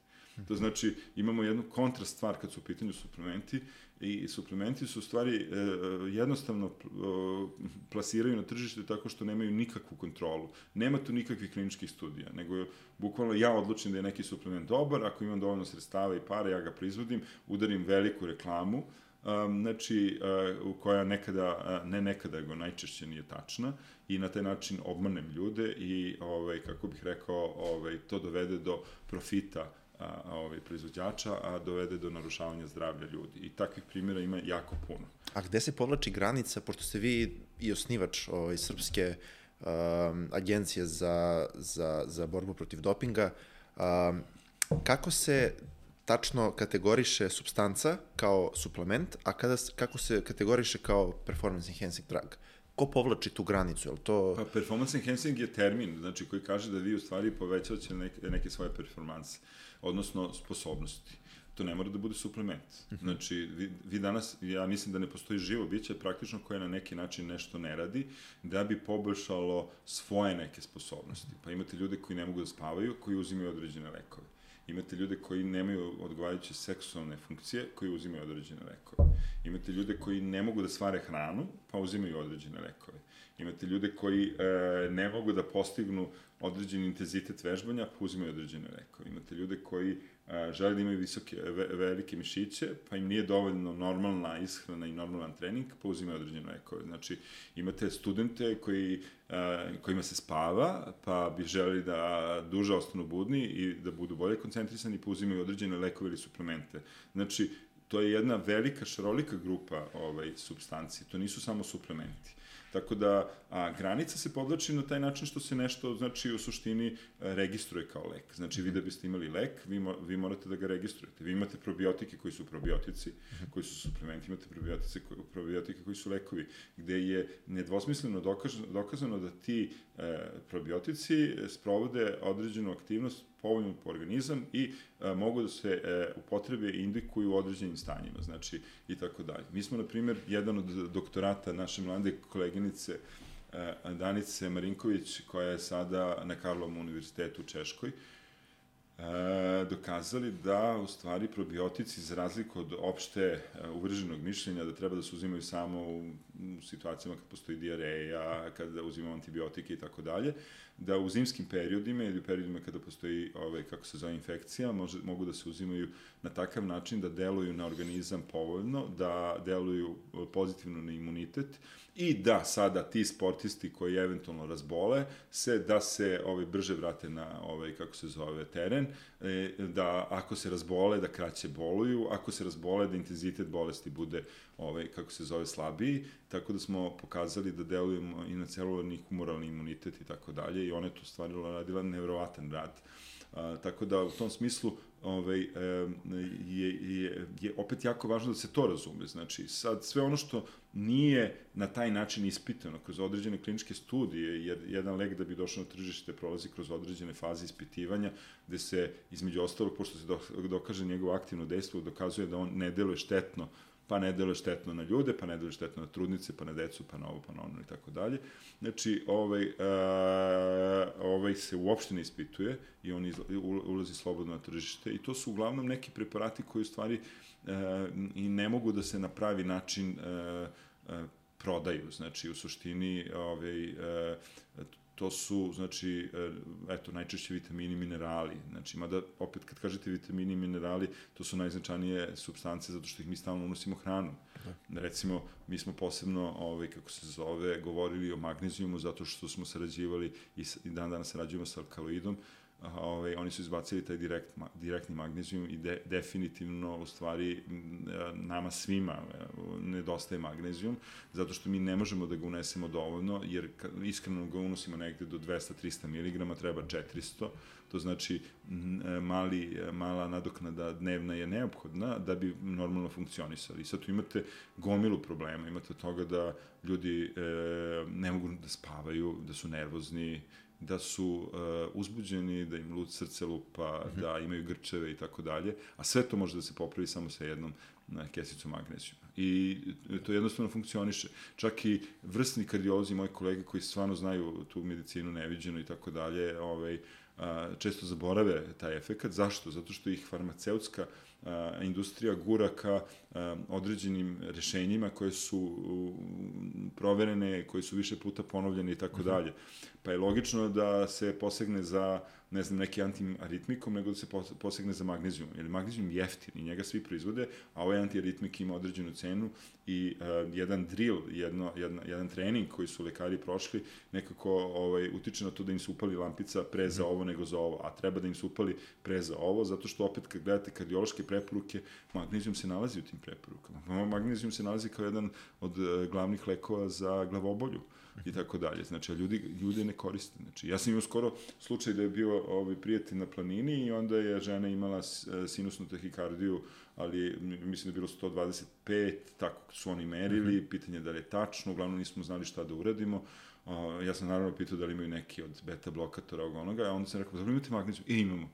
Kažem, aj to nek, e, kako se zove, popije i samo me pozovite za 15 minuta, onda su se oni javili i rekli, prestao je ovaj, ne, ta, tahikardija i tako dalje. Tako da čovjek treba da se seti možda nekih praktičnih stvari onda kada je neophodno, a istovremeno da razume da taj balans, ta homeostaza koju mi postižemo je u organizmu jako mhm. važna. Znači, mi moramo da budemo u ravnoteži sa svim tim uh, substancama. Nije bez uh, razložno napravljen recommended daily allowance, znači zato što je to ona preporučena doza koja se unosi. Znači, mi tu dozu moramo da unesemo da bi bili zdravi.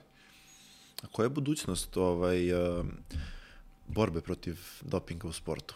Dosta aktuelna tema i konstantno se priča o njoj, ali jel zapravo uopšte postoji tu kraj? I tu postoji pa, pobeda u korist antidopinga? Ono što je, pa mi smo smanjili sada taj procenat na 0,7, znači to je nekada bilo... U Srbiji? Ili... I na, u svetu, Aha, u svetu. pa mi u Srbiji nismo imali sada neke slučaje uopšte, znači to, to su znači, zanemarljive stvari. Uh mhm. -huh. Znači jednostavno su sportisti skapirali o čemu se radi, pa znate kako, nikome nije prijatno da bude doping pozitivan zato što je onda ozbiljno kažnjen. E, znači, što je sport ozbiljniji, što je više uloženo, e, ovaj, sportist izbegava doping. Evo, ja sam, e, ja radim od 2005. u EFI, znači, testiramo najbolje timove u Ligi šampiona, Ligi Evrope i tako dalje. E, nisu oni e, i ne posežu za dopingom. Znači, mi tu imamo samo neke slučajne slučajeve ili grešku i tako dalje. Nemamo mi tu pravo dopingovanje. S druge strane, u timskim sportovima dopingovanje nije baš preterano ovaj, važno, zato što u timskim sportovima pobeđuje tim, ne, pobeđuje, ne pobeđuje pojedinac.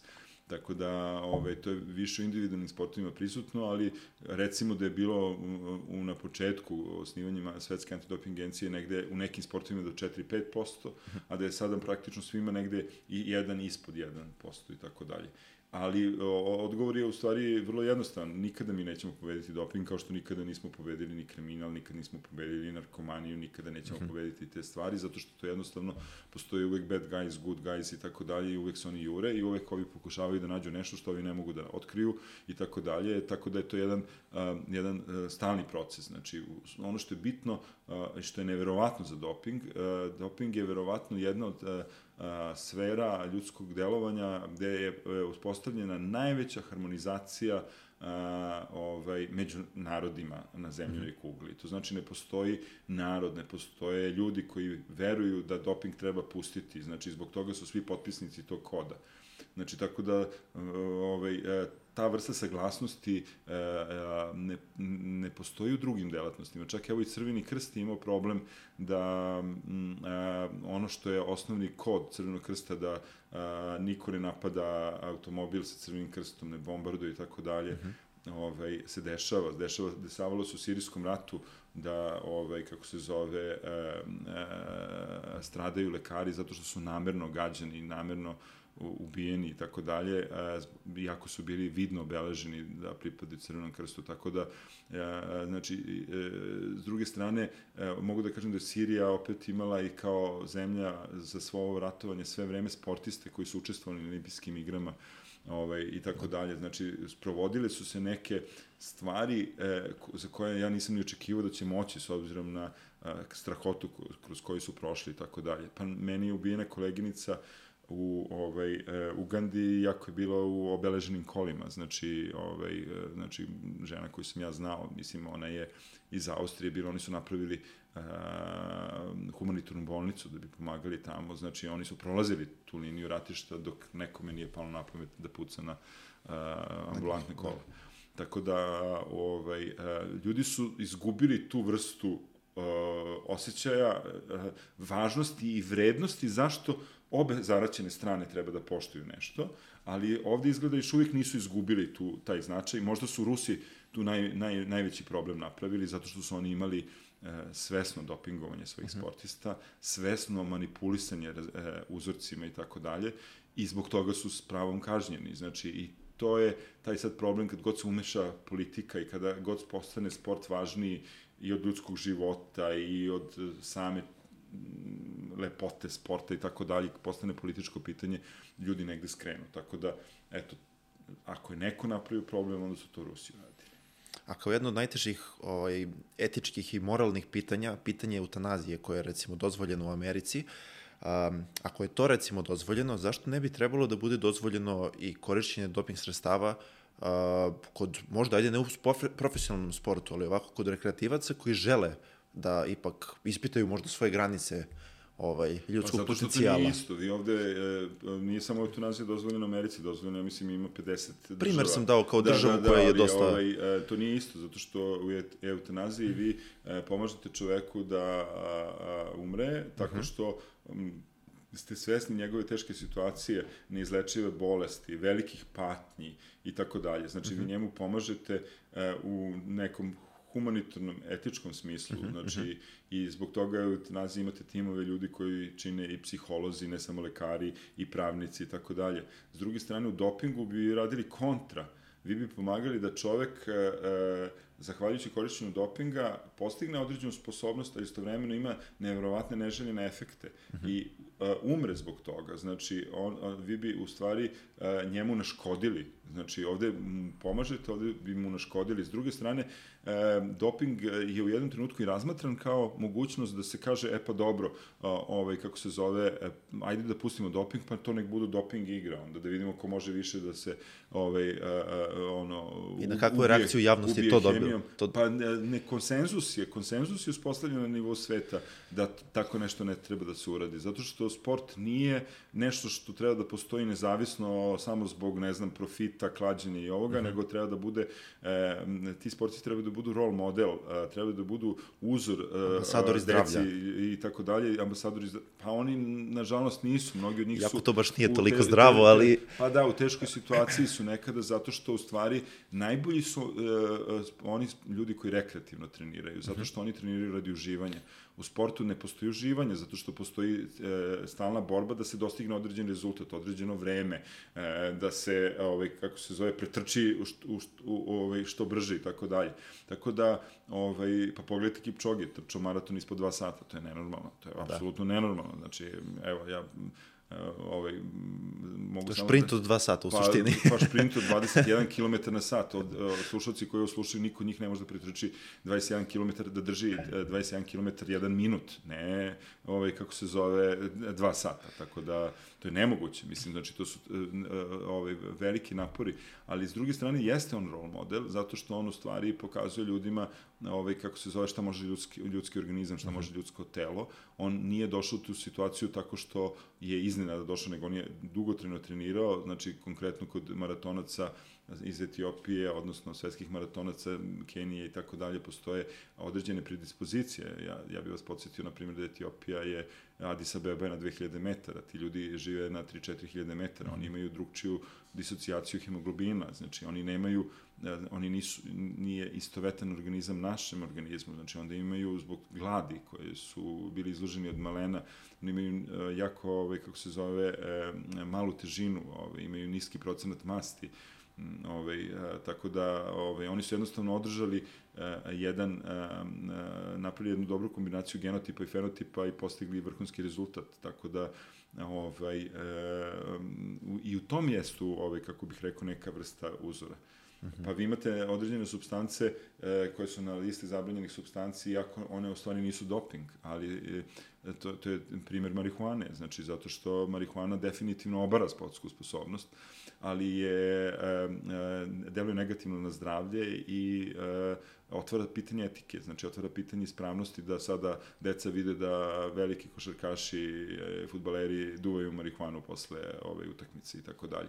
Tako da je ona i na listi i u suštini zabranjena zbog toga. Znači, mm -hmm. dugo je bio stav Žak Roga, eto, on je sad preminuo, ali je rekao dok je on živ da će marihuana biti na listi uvek, zato što je smatrao da ne trebaju deca da shvate i vide da je to ovaj, opcija Um, pa podsjetio bih da je Phelps kažnjen sa tri meseca disciplinski, ne doping, zato, što je duvao mm -hmm. marihuanu, uhvatio ga je paparaco.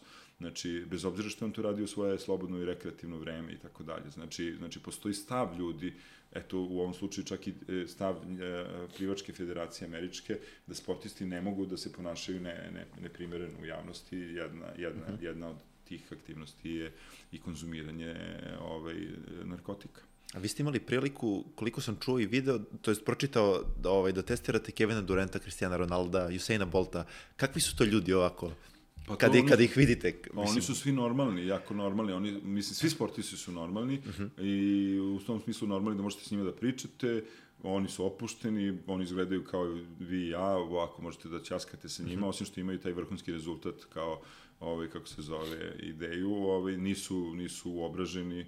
Eto, Kevin Durant je, ja sam ga testirao u Londonu, ovaj, na olimpijskim igrama, uh, on je te sezone testiran četiri puta u NBA-u, uh -huh. uh, testiran je dva puta u kampu ovaj, NBA tima pred, ovaj, kako se zove, uh, London, to znači i taj test je bio sedmi. Znači, e, važi priča da se američki igrači ne testiraju. Pritom je on bio krajnje opušten, jako bi naravno trebalo da bude ovaj, nervozan i ono što kažu -hmm. pissed off, zato što je testiran sedmi put, znači zašto ga testiraju toliko. A, to je pitanje opet vođenja plana i vođenja nekog a, risk assessmenta, procene rizika mm -hmm. i tako dalje. U svakom slučaju, on je pravi sportista i on zna da mora da bude testiran, ako želi da se bavi sportom, on u principu nije gestikulirao negativno i bilo kako se ponašao, znači naprotiv, više je bilo te priče da taj tempo u, kom, u kome su oni ne mogu da izdrže, zato što su oni posle ne znam koliko, ovaj, 100 utakmica NBA-a, ovaj, morali da budu u kampu, opet zatvoreni, pa morali posle toga da dođu na olimpijske igre i tako dalje, što u stvari jeste jako jedan komplikovan život. Jer, uh, znači sportisti e, e, mnogi sportisti su nama ovaj, onako ispred nas kao neki ideal i e, lepog i raskosnog života i tako dalje, a ja sam sa našim košarkašima računao da su imali, ne znam, zaboravio sam, primjer, 98 utakmica, da nisu imali 5 dana odmora, da nije bio sa devojkom 3 dana a, za tih 5 dana, više od 3 dana. Mislim, tako da se postavlja pitanje a, kakav je to život. Znači, mislim, znači, mi vidimo da je on uspešan, a, iza toga stoje neke cifre, pare i tako dalje, ali objektivno to je velika žrtva tih ljudi i tako dalje. A, Ronaldo je onako, on je interesantan u stvari zbog toga što a, pred novinarima gestikulira, a, šizi, a, ovaj, ljuti se, a doping stanici je ono, Flegma. pa opuštancija, opet zna da mora da sačeka da da uzorak da piški i da ide kući, tako da nema razloga da se sad ljuti, ljutimo jedan na drugoga kada i onako ćemo da provedemo bar sat i po vremena zajedno i tako dalje. Možda je tu najbolji primjer u stvari je bio, ovaj, e, kako se zove, e, e, Messi, zato što je on suštinski bio ljut jednom kad sam testirao, ali, o, o, znači, tu je bila jedna druga scena interesantna, znači, on je sedeo u doping stanici, a ispred doping stanice je bio red igrača ovaj, Manchester Uniteda, koji su čekali da im se potpiše na majicu. I Messi je e, onako stoički to radio, znači on se potpisivao na majicu, ovi su ulazili i to su znači sve igrači njegovog ranga i njegovog kvaliteta, ali opet je Messi bio Messi i oni su verovatno obećali majicu nekome i da. ovaj, kako se zove, on se potpisivao, tako da hoću da kažem, a, zaista se oni svi ponašaju normalno, mm -hmm. redko, pa ja ne, ne sećam se da sam imao problem, ovaj, kako se zove, a, bilo kakav a, sa njima, Mislim, nekad su naravno ljuti, pa ove, kako se zove, evo, skoro i Sevilje, zaboravio sam ime, oborio 100, zato što je bio ljuti jer je povredio nogu, pa mora da ide na doping, stan, na doping kontrolu. Aha. Ali, mislim, kad je vidio da ja ne reagujem i tako dalje, onda je shvatio, pa šta sad, mislim, ovde mora da ostane, čemu ovaj, uopšte ova, ovaj, kako se zove, žustrina, gubim samo ovaj, fokus i tako dalje, tako da se to brzo završilo. Nije, nisu, to, nisu to problemi bili. A sa Usainsonom Boltom smo slavili rođendan, u stvari, doping kontrolori na, olimpijskim igrama u Riju, među kojima sam bio i ja, smo ovaj, mu priredili e, iznenađenje, znači onda on to nije znao, znači mislim da mu tada nije bio rođen, mislim da mu je bio rođen za dva dana, ali smo mm -hmm. mi imali priliku tada da ga uhvatimo, pa smo onda slavili rođendan, na svakom to. slučaju je, ovaj, pa da, bio jako ovaj, normalan, spontan, nearogant, pa nearogantan, apsolutno, ovaj, a, kako se zove, čovek a, a, koji je običan čovek, mislim. Meni je on izuzetno interesantan zbog toga što on ima skoliozu, a ipak je postigao taj rezultat koji jeste i mislim da je odličan primer da se sa čak i sa nekim malim ovaj, koštano-skeletnim problemima ili ne, problemima druge prirode mogu postići izuzetno velike rezultate. Pa, rezultati. Mislim, to jeste valjda ideja sporta. Znači, mnogi sportisti su i nastali i postali veliki zato što su pokušavali da otklone neki problem koji su imali, jer su ih roditelji da. doveli kao male. Pa, mislim, evo ga Messi, znači njega je baka odvela na trening, niko nije hteo da ga vodi na trening, da ga nije baka odvela na trening, on bi bio jedan mali prosečni dečko, bio bi niži rastom nego što je sada, a sada je, ja mislim, 160, na primjer, 2, ovaj, kako se zove, i onda su očevi da on ima poremeće hormona ovaj, rasta, rasta. Da, znači, ovi nisu mogli da mu plate terapiju, njega su prebacili u školu Barcelone, Barcelona je rekla plaćat ćemo za njega terapiju, on mora da, da, da igra za nas, ali to je bilo kao mali dečko, znači neko je, neko je skapirao da taj mali dečko ovaj, e, kako se zove, ima talent i da će biti nešto od njega, ali suštinski je e, najvažnija baka koja ga je vodila na trening. Da, da. Ovaj, dotako bih se ponovo planinarenja o kome smo pričali malo pre i kao jedne verovatne ovaj, aerobne fizičke sposobnosti. Um, koje su najlepše planine koje ste posetili u Srbiji, a koje u svetu?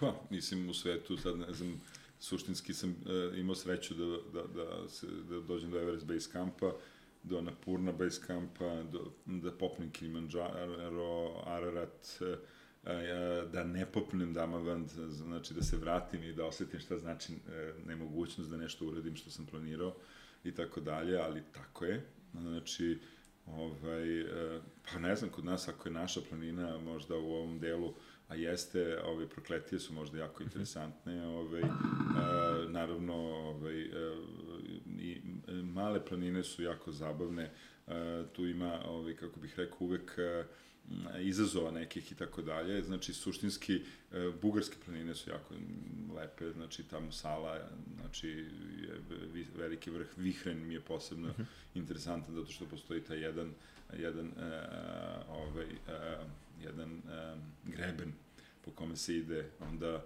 Olimpije, zabava, Triglav je bila naša planina, Triglav je, je posebno važan simbol, pa ne samo slovenačkog, nego i jugoslovenskog naroda, to sve ne postoji, ali Triglav stoji dalje tamo i dalje, ovaj, kako se zove, jeste simbol slovenačkog naroda i njihove nezavisnosti, jer uh, i kad su bili okupirani i kada nisu imali svoju državu, Triglav je bio njihov, tako da a, ovaj, a, u tom smislu planine imaju različito ovaj, značenje i nekada metaforično značenje, nekada, ovaj, kako se zove, predstavljaju samo izazov, a u suštini su jako važne za ljudski život zato što predstavljaju idealan vid a, a, rekreacije, odnosno mm -hmm. idealan vid upražnjavanja fizičke aktivnosti. I mi imamo jedan klub, znači zato što mi imamo posebnu ideju nemamo posebnu ideju, imamo posebne želje i onda uh mhm. -huh. to možemo da ovaj, ostvarimo tako što se dogovaramo. U našem klubu ima, imamo mali broj članova, ali Ovaj, u pitanju koji klub? Pa Avantura Team se mi zovemo, uh mhm. -huh. znači u suštini znači gledamo da upražnjavamo ovaj, neke aktivnosti koje su nama važne. Evo, prošle godine recimo od važnih aktivnosti je bila i ta što smo išli na Durmitor sa električnim biciklima. Uh, i za mene električni bicikl postao otkrovenje zato što u stvari on ne radi na struju ukoliko vi ne okrećete pedale, mm -hmm. on vam da tačno onu količinu energije koja vam nedostaje da bi savladali neki strašan uspon. Pa šta da vam kažem kad smo mi tamo prešli, ne znam koliko, dve, dva i po kilometra visinske razlike 90 i nešto kilometra za jedan dan. Ja to nikad ne mogu da prođem na biciklu, zato što je to nemoguće. Znači, da, zahvaljujući da. električnom biciklu smo prošli.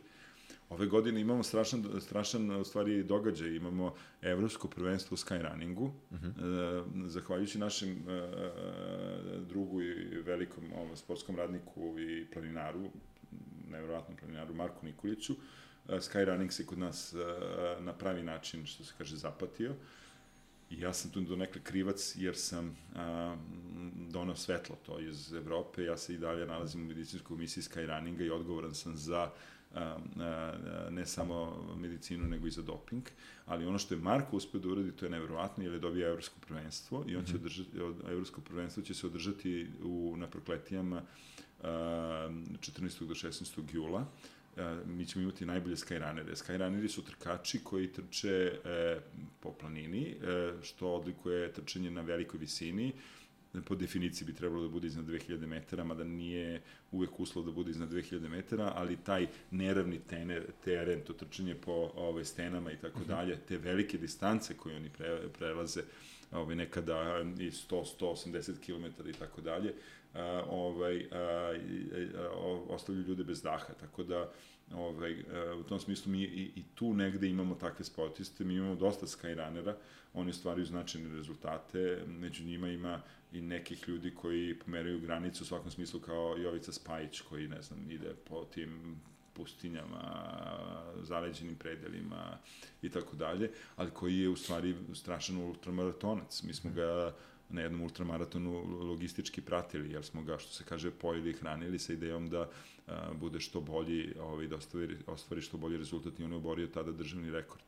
Tako da, hoću da kažem, da planine ostvaraju ljudima mogućnost. Mi imamo veliki broj planinara, nažalost neki od njih su ovaj, u nemogućnosti da, os, da osvoje ili da, da, da, da, da, da popnu te velike svetske vrhove. danas je to možda i nedostupnije zbog cena, -huh. posebno aviokarata i tako dalje, ali recimo možda je dobar trening, eto Ararat, to je planina 5200 metara, nalazi se u Turskoj, sveta jermenska planina, a, oteta od Jermena, a, a ispod podnožja ne žive Turci, nego žive Kurdi. I u stvari Kurdi su vodiči uh -huh. i to je jedan divan narod, ovaj, jedan do, do, dobronameran a, svet koji, ovaj, kako se zove, a, ovaj, između ostalog živi i, i od tog sporta, odnosno uh -huh. turizma i tako dalje. Ovaj, I ja sam dva puta bio na Araratu, mislim, u suštini, ne znam, ne bi nikom savjetio da dva puta, zato što je to dosta veliko maltretiranje, nije to lako da se popne, uh mhm. -huh. ali mislim da je jednostavan trening, zato što do Ararata može da se ode, a, ne znam, sa, sada sa 300-400 eura avio karta preko e, Trkiša do Istanbula i onda treba čovjek da potroši još ne znam sad koliko e, e, stotina eura, 500-600 eura da bi platio tu logistiku svu koja mu je tamo da, neophodna. Da. Znači, dostići 5200 metara je ovaj, jako važno, znači u principu za svakog planinara da vidi kako izgleda taj susret sa a, a, ovaj, atmosferom bez kiselnika uh mhm. -huh. i tako dalje ovaj, i a, izvanredan trening i mislim da je tu dobar odnos to cene i kvalitet, kvaliteta, odnosno doživljaja i cene koju čovjek plaća da bi ostvario nešto. Ovaj, tako da... A kojom se planina više dopala, Kilimanjaro ili ceo Himalajski masiv? Pa Himalaj su to, to nis, Himalaj nisu samo pitanje u tom smislu doživlja, nego to je celokupni kulturološki aspekt, znači uh gde mhm. vi uspoznajete ljude, a, ovaj, a, poznate njihovu kulturu, vidite budizam, vidite tibetance koji su napustili Tibet zbog Kineza koji su ih maltretirali, ubijali, zlostavljali i tako dalje, do Šerpasa koji žive određen način života. Ja sam tu imao sreću da budem u jednoj italijanskoj zdravstvenoj emisiji, I e, da, skoro su me pitali kako se zove to selo, evo sad sam se setio, Čau, Čauri Karka, ovaj, e, kako se zove, mi smo probili mesec dana u jednom selu gde, gde žive šerpasi i mi smo neke ljude prvi put pregledali, ovaj, a, italijanski doktori su imali ideju da naprave screening njihovog zdravlja i da utvrde da li su oni zdravi, koliko su zdravi i koje probleme imaju i u principu su zdravi, ono što je nas iznenadilo da su veliki broj njih imali hronični obstruktivni bronhitis, uh mhm. -huh. znači žive u najčistijem predelu zemljine kugle sa najboljim vazduhom, a napravili su sebi glupost u toliko što su e, e, tradicionalno grejući kuće bez dimnjaka, udisali su više dima i mhm. -huh. napravili štetu na svojim plućima. Znači, mi smo imali ideju da njih testiramo odnosno pregledamo ponovo posle tri godine, međutim bio onaj zemljotres i to selo je nažalost sravnjeno sa zemljom, tako da nismo imali ovaj, mogućnost da se vratimo ali znači e, jako je važna ta opet edukacija znači jako je važno to što smo mi bili tamo i što smo ih edukovali i to je neko opet nasleđe e, belog čoveka koji je došao na Himalaje gde je između ostalog od Hilarija pa na ovamo zahvaljujući nekom uh, humanitarnom radu napravljen veliki broj uh, škola prvenstveno uh mhm. -huh. i napravljeno nekoliko bolnica Znači, da bi slušalcima bilo jednostavnije da razumeju, znači, to je zemlja za razliku od naše koja nema zdravstveno osiguranje, tamo ne postoji način da vi sad odete kod lekara i da vas neko pregleda i da dobijete lek jednostavno. Postoji bolnice, postoje ljudi koji znaju savršenu medicinu.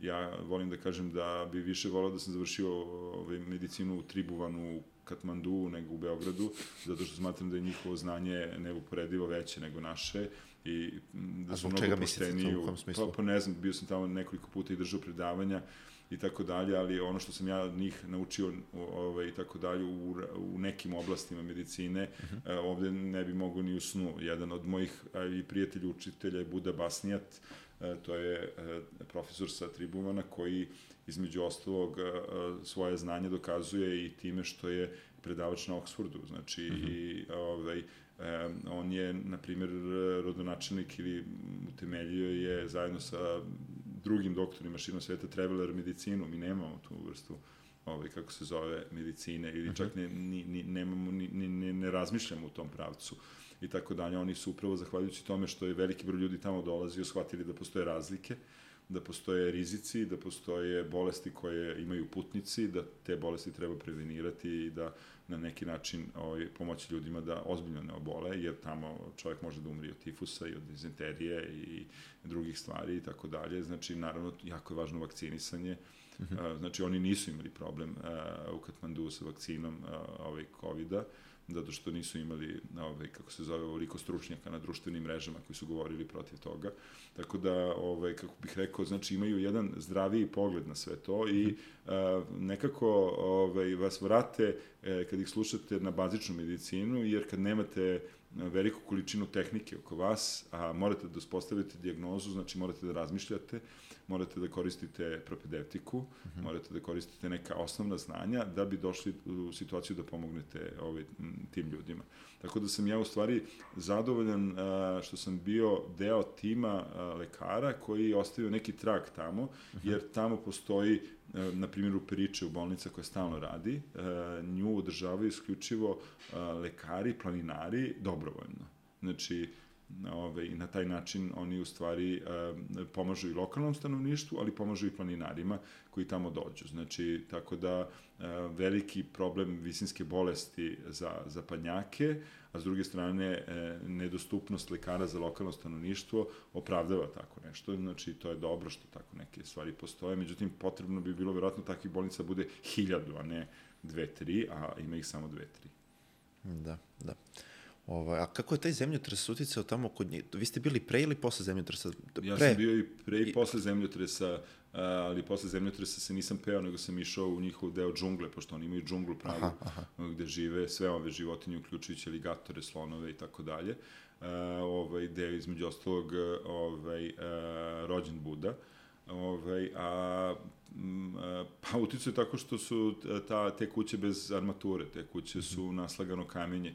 Jedna od interesantnih stvari koje smo radili takođe u okviru proučavanja, zdravstvenog proučavanja a, ove, njih je a, e, sagledavanje e, tih kuća iz ugla a, a, termičkog ugla. Znači mhm. imali smo one uređaje za termografiju da. i kada uperite u kuću, vi vidite u stvari kada su ljudi u kući gde, gde je toplota i da. gde izlazi toplota i, i mi smo njima na taj način dokazivali, pokazivali u stvari e, to da a, ovaj, oni gube toplotu, da te kuće neizolovane, da e, nemaju dobru, a, ni, do, ni dobre prozore i tako dalje.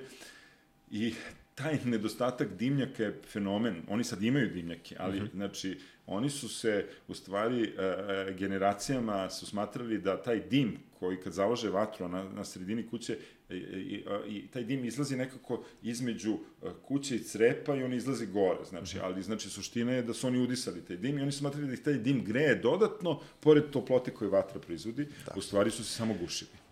A kakvi su njima hematološki parametri, recimo, pošto žive na toj visini? Oni imaju, oni imaju, to? oni imaju specifični hemoglobin. Oni imaju specifični hemoglobin, sad da me ubijete, ne mogu da se setim, znači, to su vrste hemoglobina, ovaj, a, a, nemaju, a, ovaj, a, Etiopijani imaju samo malo pomeljenu onu krivu disocijaciju, da. a ovi imaju specifičan hemoglobin, genetski specifičan hemoglobin, koji je nastao upravo zahvaljujući e, to, tom životu na visini. Američka profesorka, zaboravio sam kako se zove, je provela tamo silno vreme, ona im je plaćala istraživanje što je dobro, mislim s jedne strane, s druge strane nije bilo dobro zato što su sad i ovi naš ovi ljudi iz tog sela očekivali da ćemo i njima da platimo što ih humanitarno pregledamo jer mi mm -hmm. nismo za razliku od Amerikanke imali ideju da radimo naučno istraživanje, mi smo imali ideju samo da vidimo da li oni imaju hipertenziju, da oni pa neke žene koje sam ja pregledao nisam mogao da pregledam normalno, ja sam morao da vučem slušalice e, ispod majice, uh mhm. -huh. zato što oni nisu hteli da se slikaju, a između ostalog sam merio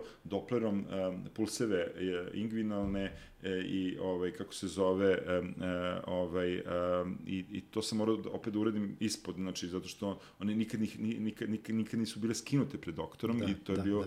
To je bio šok za njih, ali su pristali da se pregledaju. Uglavnom, znači mi smo objavili taj rad i tu pokazujemo u stvari da oni jesu zdravi, ali da imaju određene probleme koje možemo da otklonimo tako što ih edukujemo. I e, nakon toga sam ja video da su oni stav, i, i pre toga su i nakon toga počeli da prave te kuće sa dimnjakom i tako dalje. To, je, to su mi u stvari Britanci odradili, odradili zato što to je ta legat Hilarija, nije legat Hilarija, pitanje da li se Hilarija popeo prvi, znači, uh mhm, -huh, ili -huh. Tenzing, znači, verovatno se Tenzing popeo, ali nije zgodno da se popne Šerpas, a da Beri čovjek bude drugi, znači, no, logično je bilo da je uh, Hillary se popeo, tako su se oni dogovorili. Pitao sam vas zbog, tog, zbog tih hematoloških parametara, zato što uh, dolazimo u jedan interesantan, to jest ulazimo u jedan interesantan ovaj, uh, kako da kažem uopšte, jednu interesantnu debatu uh, oko korišćenja eritropoetina koja je jedan od glavnih možda doping sredstava, pored steroida i pored hormona rasta danas, um, ako recimo njih, te šerpase i ljude sa, sa tog područja, uh, dovedemo kod nas ovde na našu nadmorsku visinu, oni bi se značajno bolje snašli u A, aerobnom ne, treningu. Ne bi se, ne bi se znači Ili to ne bi bilo tako ipak? Došlo bi, došlo bi do ovaj, e,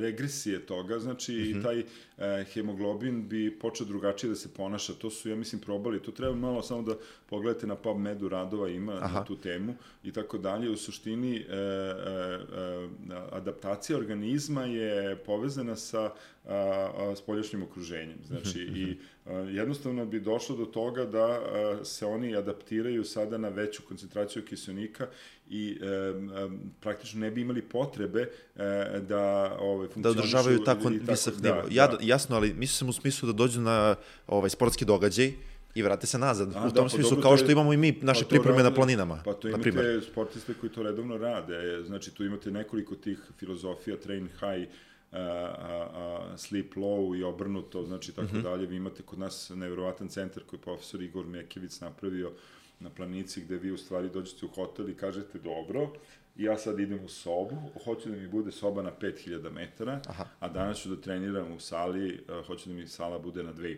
metara uh mhm. -huh. i vi u stvari plaćate hotel u kome normalno spavate, doručkujete i provodite vreme, samo je on u hipobaričnim uslovima, uh mhm. -huh. na taj način je uh, trenirate istovremeno, znači, uh, pa ja mislim da su i ovi E, a, znači slovenački biciklisti koji su sada a, osvajali Tour de France i tako dalje, između ostalog jedan od razloga ili a, trenažnih metoda koje su koristili a, su bili hipobarične a, kuće u kojima oni spavaju. Mm -hmm. Znači, a, naravno, oni koji nemaju mogućnost da naprave objekat, oni koriste šatore, šatore su koristili neki naši sportisti i tako dalje E, jer na taj način u stvari iritiraju svoju e, koštanu srž da mhm. u hipoksiji proizvede veću količinu crvenih krvnih zrnaca koje posle, kao što vi kažete, kad dođe na takmičenje, ovaj, e, mogu da vežu veću količinu kiselnika i da naprave bolji rezultat. I to je regularno to nije doping. To je. Mi smo, A postoji neka gornja granica eritropoetina koju, ne, koju vi regulišete ne, ne, ili ne, to je sve individualno? Ako, ako ja, ako ja ovaj, proizvedem sobstveni eritropoetin zbog toga što sam stimulirao organizam hipoksijom, onda je moj eritropoetin taj koji je to odradio i ja ne mogu da budem sankcionisan zbog toga, ja ne smem da uzmem eritropoetin. To se zove neka vrsta a, a, a, ovaj, a, biološke plastičnosti, e, ovaj, odnosno a, smatra se da sve ono što ja kao ovaj, a, jedinka mogu da iniciram u svom sobstvenom organizmu a, i postignem određeni boljitak, ne može da bude sankcionisano, znači da bude nešto što je um, zabranjeno. Mi smo imali problem uh, taj, uh, uh, znači i mi smo znači na nivou sveta, kad kažemo mi, ja, ja naravno tu ne, ne smatram sebe velikim doktorom u planinarinju, ali se sticam okolnosti nalazim u grupi doktora a, a, a, u planinarskoj medicini, uh mhm. -huh. znači i dobijam često ovaj, različ, učestvujem u različitim inicijativama. Jedna od inicijativa je bila da se ovaj, ta vrsta manipulacije organizmom, ta vrsta pozitivne fiziološke manipulacije izbaci kao ovaj, kako se zove doping, odnosno uh -huh. da korišćenje hipo i hiperbaričnih uslova ne bude doping, što i nije doping, zato što vi u stvari e, tu e, koristite određene metode da bi delovali na vaš organizam, da bi se organizam izborio sam sa određenim problemima i tako dalje. Tako da je to bilo, bile su te uh, uh, kiselnik devices su bile na listi, pa su izboljene, na primjer, 2006 pete, sedme, mhm, ne znam. Mhm, u mhm. svakom slučaju, ja mislim da niko nije ni mogao da to zadrži, zato što ja mislim preko 250 e, stručnjaka planinarske medicine tražilo da to ne bude na listi. Kao što je izbačeni kofein. Da, ali Vada je recimo 2018. mislim dodatno spustila uh, gornju granicu za nivo testosterona kod žena na primjer, tako, 2018. je to bilo. A ne, ne, ne, ne, to nije VADA spustila u suštini, to je spustio Međunarodni olimpijski komitet. Među, aha, Međunarodni olimpijski komitet. A to nije ovaj, vezano za uh, doping, to je vezano za a, a, strukturu tela, odnosno za fiziologiju tela. Upravo to, to me samo interesuje, gde se, kako se ta dva... Pa to je sada onako... na neki način e, e, Međunarodni olimpijski komitet poništio sam svoju odluku, uh mhm. -huh. jer je prvo propisao određene granice, onda je bila velika, ovaj, e, i objektivno tu su naneli štetu semenji, ovaj, Kaster Semenji, da. znači trkačici Južne Afričke republike, koja je prirodno imala visok testosteron i ona je, zahvaljujući tom prirodno visokom testosteronu, pobeđivala. Mi smo ovde radili e, e, atletsko prvenstvo, ja sam pričao sa, a, ona je trčala 800 metara sa svetskim a, e, ovaj, atletičarkama koji su trčali istu distancu i oni su rekli mhm. da oni nju ne mogu da pobede jednostavno ne mogu da pobede zato što ona ima a, a, ovaj kako se zove a, telesnu kompoziciju koja odgovara više muškarcu, ali se ona nije dopingovala. Ona e, je, da, da, jasno, ali upravo rodila to... kao takva i njoj je trebalo dozvoliti da se kao takva takmiči. Vlada, a, Vada, odnosno Međunarodni MOK je napravio tada jedan guidelines gde se tražilo da ukoliko ona želi da se takmiči mora da spusti svoj E, testosteron... A da li je to etički u redu? Pa, ne, nije naravno, nije naravno, ja ne znam kako se završilo, ona je išla na sud za ljudska prava, ne znam kako se završio taj spor, ali ono što se desilo posle toga je indikativno da su pogrešili, zato što su onda rekli, ok, Uh, neka bude na svakoj uh, internacionalnoj federaciji odluka ovaj, da uh, odrede ko može da učestvuje u zavisnosti od nivoa testosterona. Jer nije tu mhm. bila, tu nije problem kaster semenja, tu su problem transgender sportisti. A transgender sportisti su problem zato što su dve trećine transgender sportista muškarci koji su prešli u žene. žene. A onda muškarci koji pređu žene, oni u stvari uh, su dominantni u ženskom sportu, jer imaju muš, muš, muško telo, mušku fiziologiju, uh -huh, uh -huh. ostvarili su, uh, znači, kroz svoj pubertet, razvoj i tako dalje, više mišića i onda su oni na, naravno dominantni. Znači, i onda su ovi rekli kao, ovaj, kako se zove, uh, eto kao, ovaj, uh, neka sportski savez odluči. I on, jedan od prvih sportskih savjeza koji je odlučio protiv ta, takvi, učešća takvih sportista je e, e, plivačka, Međunarodna plivačka federacija FINA, Uh, ovaj, zbog toga što su imali ona, onog plivača Tomasa Lija, znači muškarca koji je prešao svaki pubertet ovo ono, postao pravi muškarac i onda je on rekao, e, ja sam za žena. I onda se desilo da je on pobeđivo žene, to je izazivalo naravno veliki, veliki odijum, žene nisu čak ne stele, stele da stoje s njim na podijumu i onda je Fina rekla, ok, mi ne prihvatamo transgender. Uh, e, i tako dalje. A onda i e, rugby je to isto radio. Ja sam tu mhm. ponosan zato što sam antidoping menadžer u internacionalnoj rugby ligi i onda sam mhm. ponosan na njihovu odluku. Moj savjet je bio da e, ne dozvole to, tako nešto, zato što e, ubaciti muškarca sa muškim predispozicijama u ženski rugby tim, e, ma koliko taj muškarac bio sada odlučio da bude žena i mm -hmm. navodno ženstven, njegova građa, kostur, mišići i tako dalje su uvek u prednosti ovaj, na tim ženama. Mo, možemo čak i da mu smanjimo testosteron, ali prethodna mišićavost je stečena u, u, u, u pubertetu koji je bio takav da su se razvile sve... Podržan muškim hormonima muške, jednostavno. Muške sekundarne da. karakteristike i tako dalje. Tako da neki savi su odlučili, neki savi su odlučili a, protiv. To je veliko pitanje. Koja je budućnost? Ali mislim, pa ne znam, toga, znači mislim. na, evo, na zadnjem savjetovanju ja sam bio pozvan, imao sam dva predavanja, jednom sam branio Novaka, a, a, a druga predavanja sam slušao i onda su oni tako pričaju o tom, ovaj, kako se zove, problemu kao transgendera u, u Međunarodnom olimpijskom komitetu, u Međunarodnom olimpijskom, olimpijskom sportu i onda sam ja pitao te stručnjake, dobro, kao, pošto pričamo već dva sata, mhm. koliko tih sportista uh, ima i tako dalje na, na broj ovih drugih sportista i onda se ispostavilo, oni su odgovorili da ih je, ne znam, čini mi se da je bio odgovor da je 3 na 70 hiljada. Znači, ja razumem da je to etičko pitanje o kome mi treba da razgovaramo, ali mislim da to nije trenutno najvažnije etičko pitanje i da imamo mnogo druga važnija etička pitanja a, ovaj, a, koja bi morala da budu rešena da bi, ovaj, kako se zove, sport ostao ono što jeste, a ne politika. Tako da, u tom smislu je, ovaj, a, pa tu je najbolji sin gradonačelnika Wellingtona iz Novog Zelanda, on je, mm, Ron Hubbard, da, ka, tako se zvao, ne znam kako se zvao tačno, ili sam, ili sam permutovao ime, nebitno je totalno. U svakom slučaju, on je taticin sin koji je odlučio u 35. godini da kao da izače tegove, više ne diže tegove s muškarcima gde nije ostvario nikakav rezultat, nego da je on sad žena. I on je u stvari jako blizu došao do toga da postane olimpijski pobednik u ženskoj konkurenciji, pošto je ovaj, na svetskim prvenstvima ostvarivao značajne rezultate. Mislim da je najbolji rezultat bilo srebro. Mm -hmm. I mislili su da će on ostvariti medalju u ovaj, Tokiju, međutim, njega su ove kineskinje pobedile.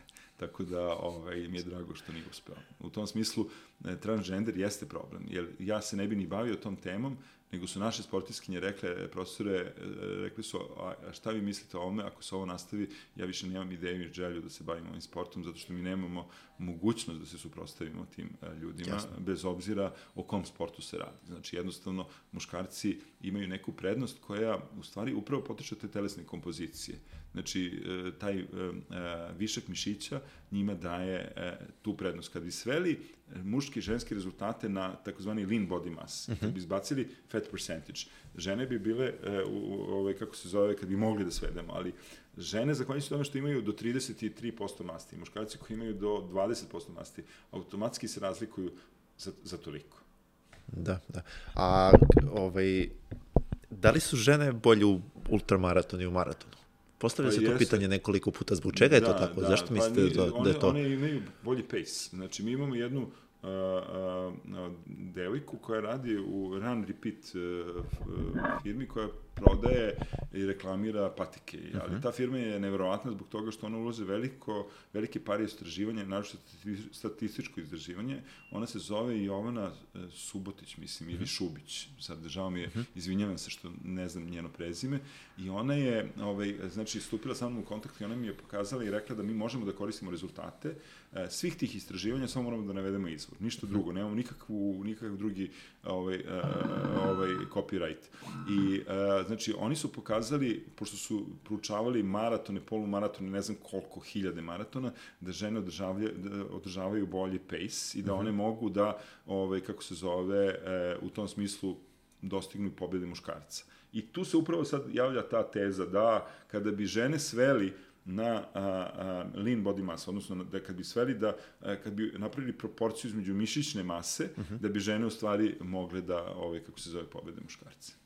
Da, dosta interesantan podatak koji sam skoro baš čuo, ali a, ona poznata a, ovaj, trkačica na ultramaratonu, Courtney, ne mogu da se setim tačno prezimena, ovaj, koja se, ja mislim, čak u nekim trenucima susretala sa Jovicom Spajićem, nisam siguran. Moguće. Ona je baš ovaj, eh, dominirala jedno vreme u, u ultramaratonu u Americi, na svim onim njihovim uh, trkama i onda su se odjednom samo ovaj opala njena kondicija do, do nekog trenutka i sada više ni, ona i dalje u top formi i dalje u tih top 5 recimo finišera, ali nije na, na, ovaj, na broju 1. Pojavio se izgleda sad taj neki novi uh, Sad to ne kako znam, vidite, da zavisi, ali... Treba da vidimo rezultate i da analiziramo, zato što u suštini... Jer to su one ultra duge trke, po 150-200 da, milja. Da, da, da, to su baš da, da. svakim čast da, tome. Pa dobro, ajde, ako ne, ali... Ja, ja mislim da su za te druge trke naravno interesantne, znači tako dalje, ali mislim da trke jesu dobre zato što su negde standardizovane i onda mi vidimo kako se pomera to ljudsko dostignuće. Znači, čak i ovaj Kipčogeov eh, je priznat eh, rekord, ali on je tu imao i pacere, imao je... I to su bili idealni uslovi, potpuno ravna... I, pa imaju te patike, Nike i, i tako dalje, koje imaju tu specifično... Vaporfly beše, koje beše, da, ne znam da, koje je nosio.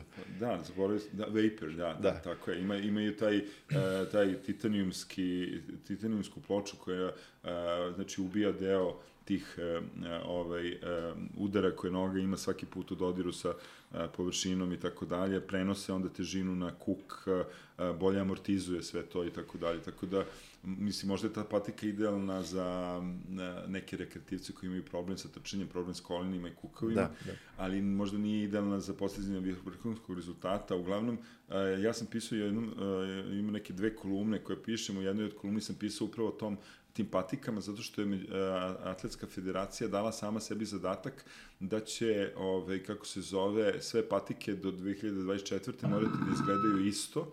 Znači, a pogotovo neće biti dozvoljeno da vi ja trčimo da vi imate eksperimentalni model patika koje ja nisam mogao da kupim slobodno na tržištu, koje su napravljene samo za vas, zato što to vama opet daje e, prednost. prednost.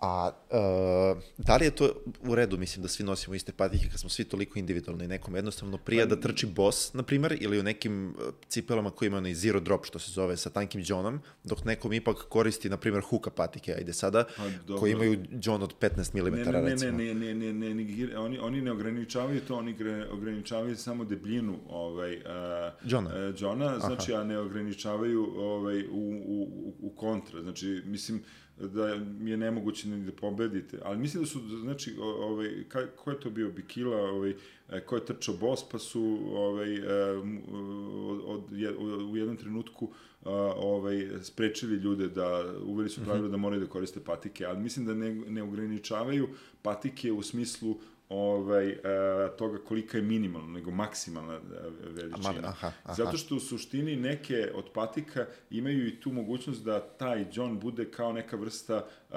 opruge koja ovaj, u stvari dodatno, ovaj, kako se zove, baca sportistu u svakom, uh, svakom iskoraku, pa je bilo čak i ono karikiranja da su na patike stavljali uh, opruge da bi pokazali šta je to u stvari i kakva je to prednost. Znači, zato što to jeste očigledno prednost i kada su oni radili ispitivanja, imate na YouTube jako interesantne, uh mhm. -huh. ovaj, kako se zove, filmove, gde uh, jedan sportista trči s patikama tim i bez tih patika i njegovo vreme se razlikuje drastično.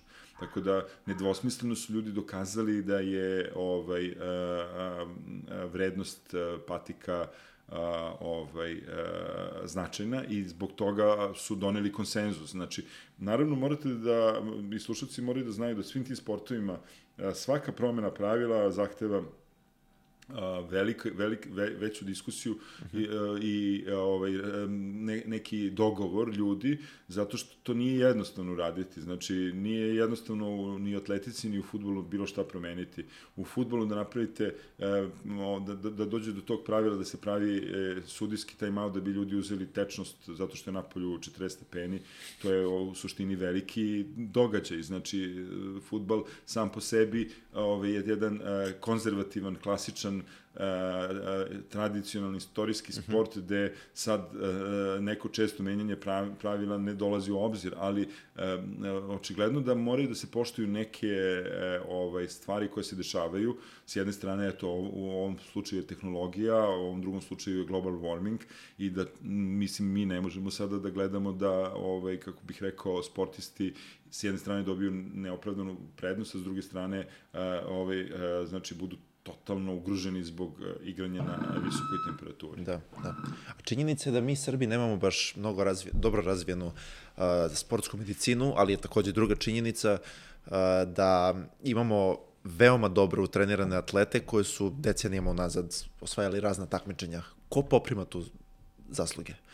Pričamo o Đokoviću, pričamo o Spajiću, pričamo o teniserima, odbojkašima, generalno o futbolerima, košarkašima, ne znam ni gde više da nabrim da sve to. Kažem. Mislim, za mene, evo, mi se sad nalazimo na, a, u krugu medicinskog fakulteta, znači, ja sam završio medicinu, a, vi još niste završili, ja sam završio medicinu pre, bože, koliko godina, 30 i nešto godina, 34.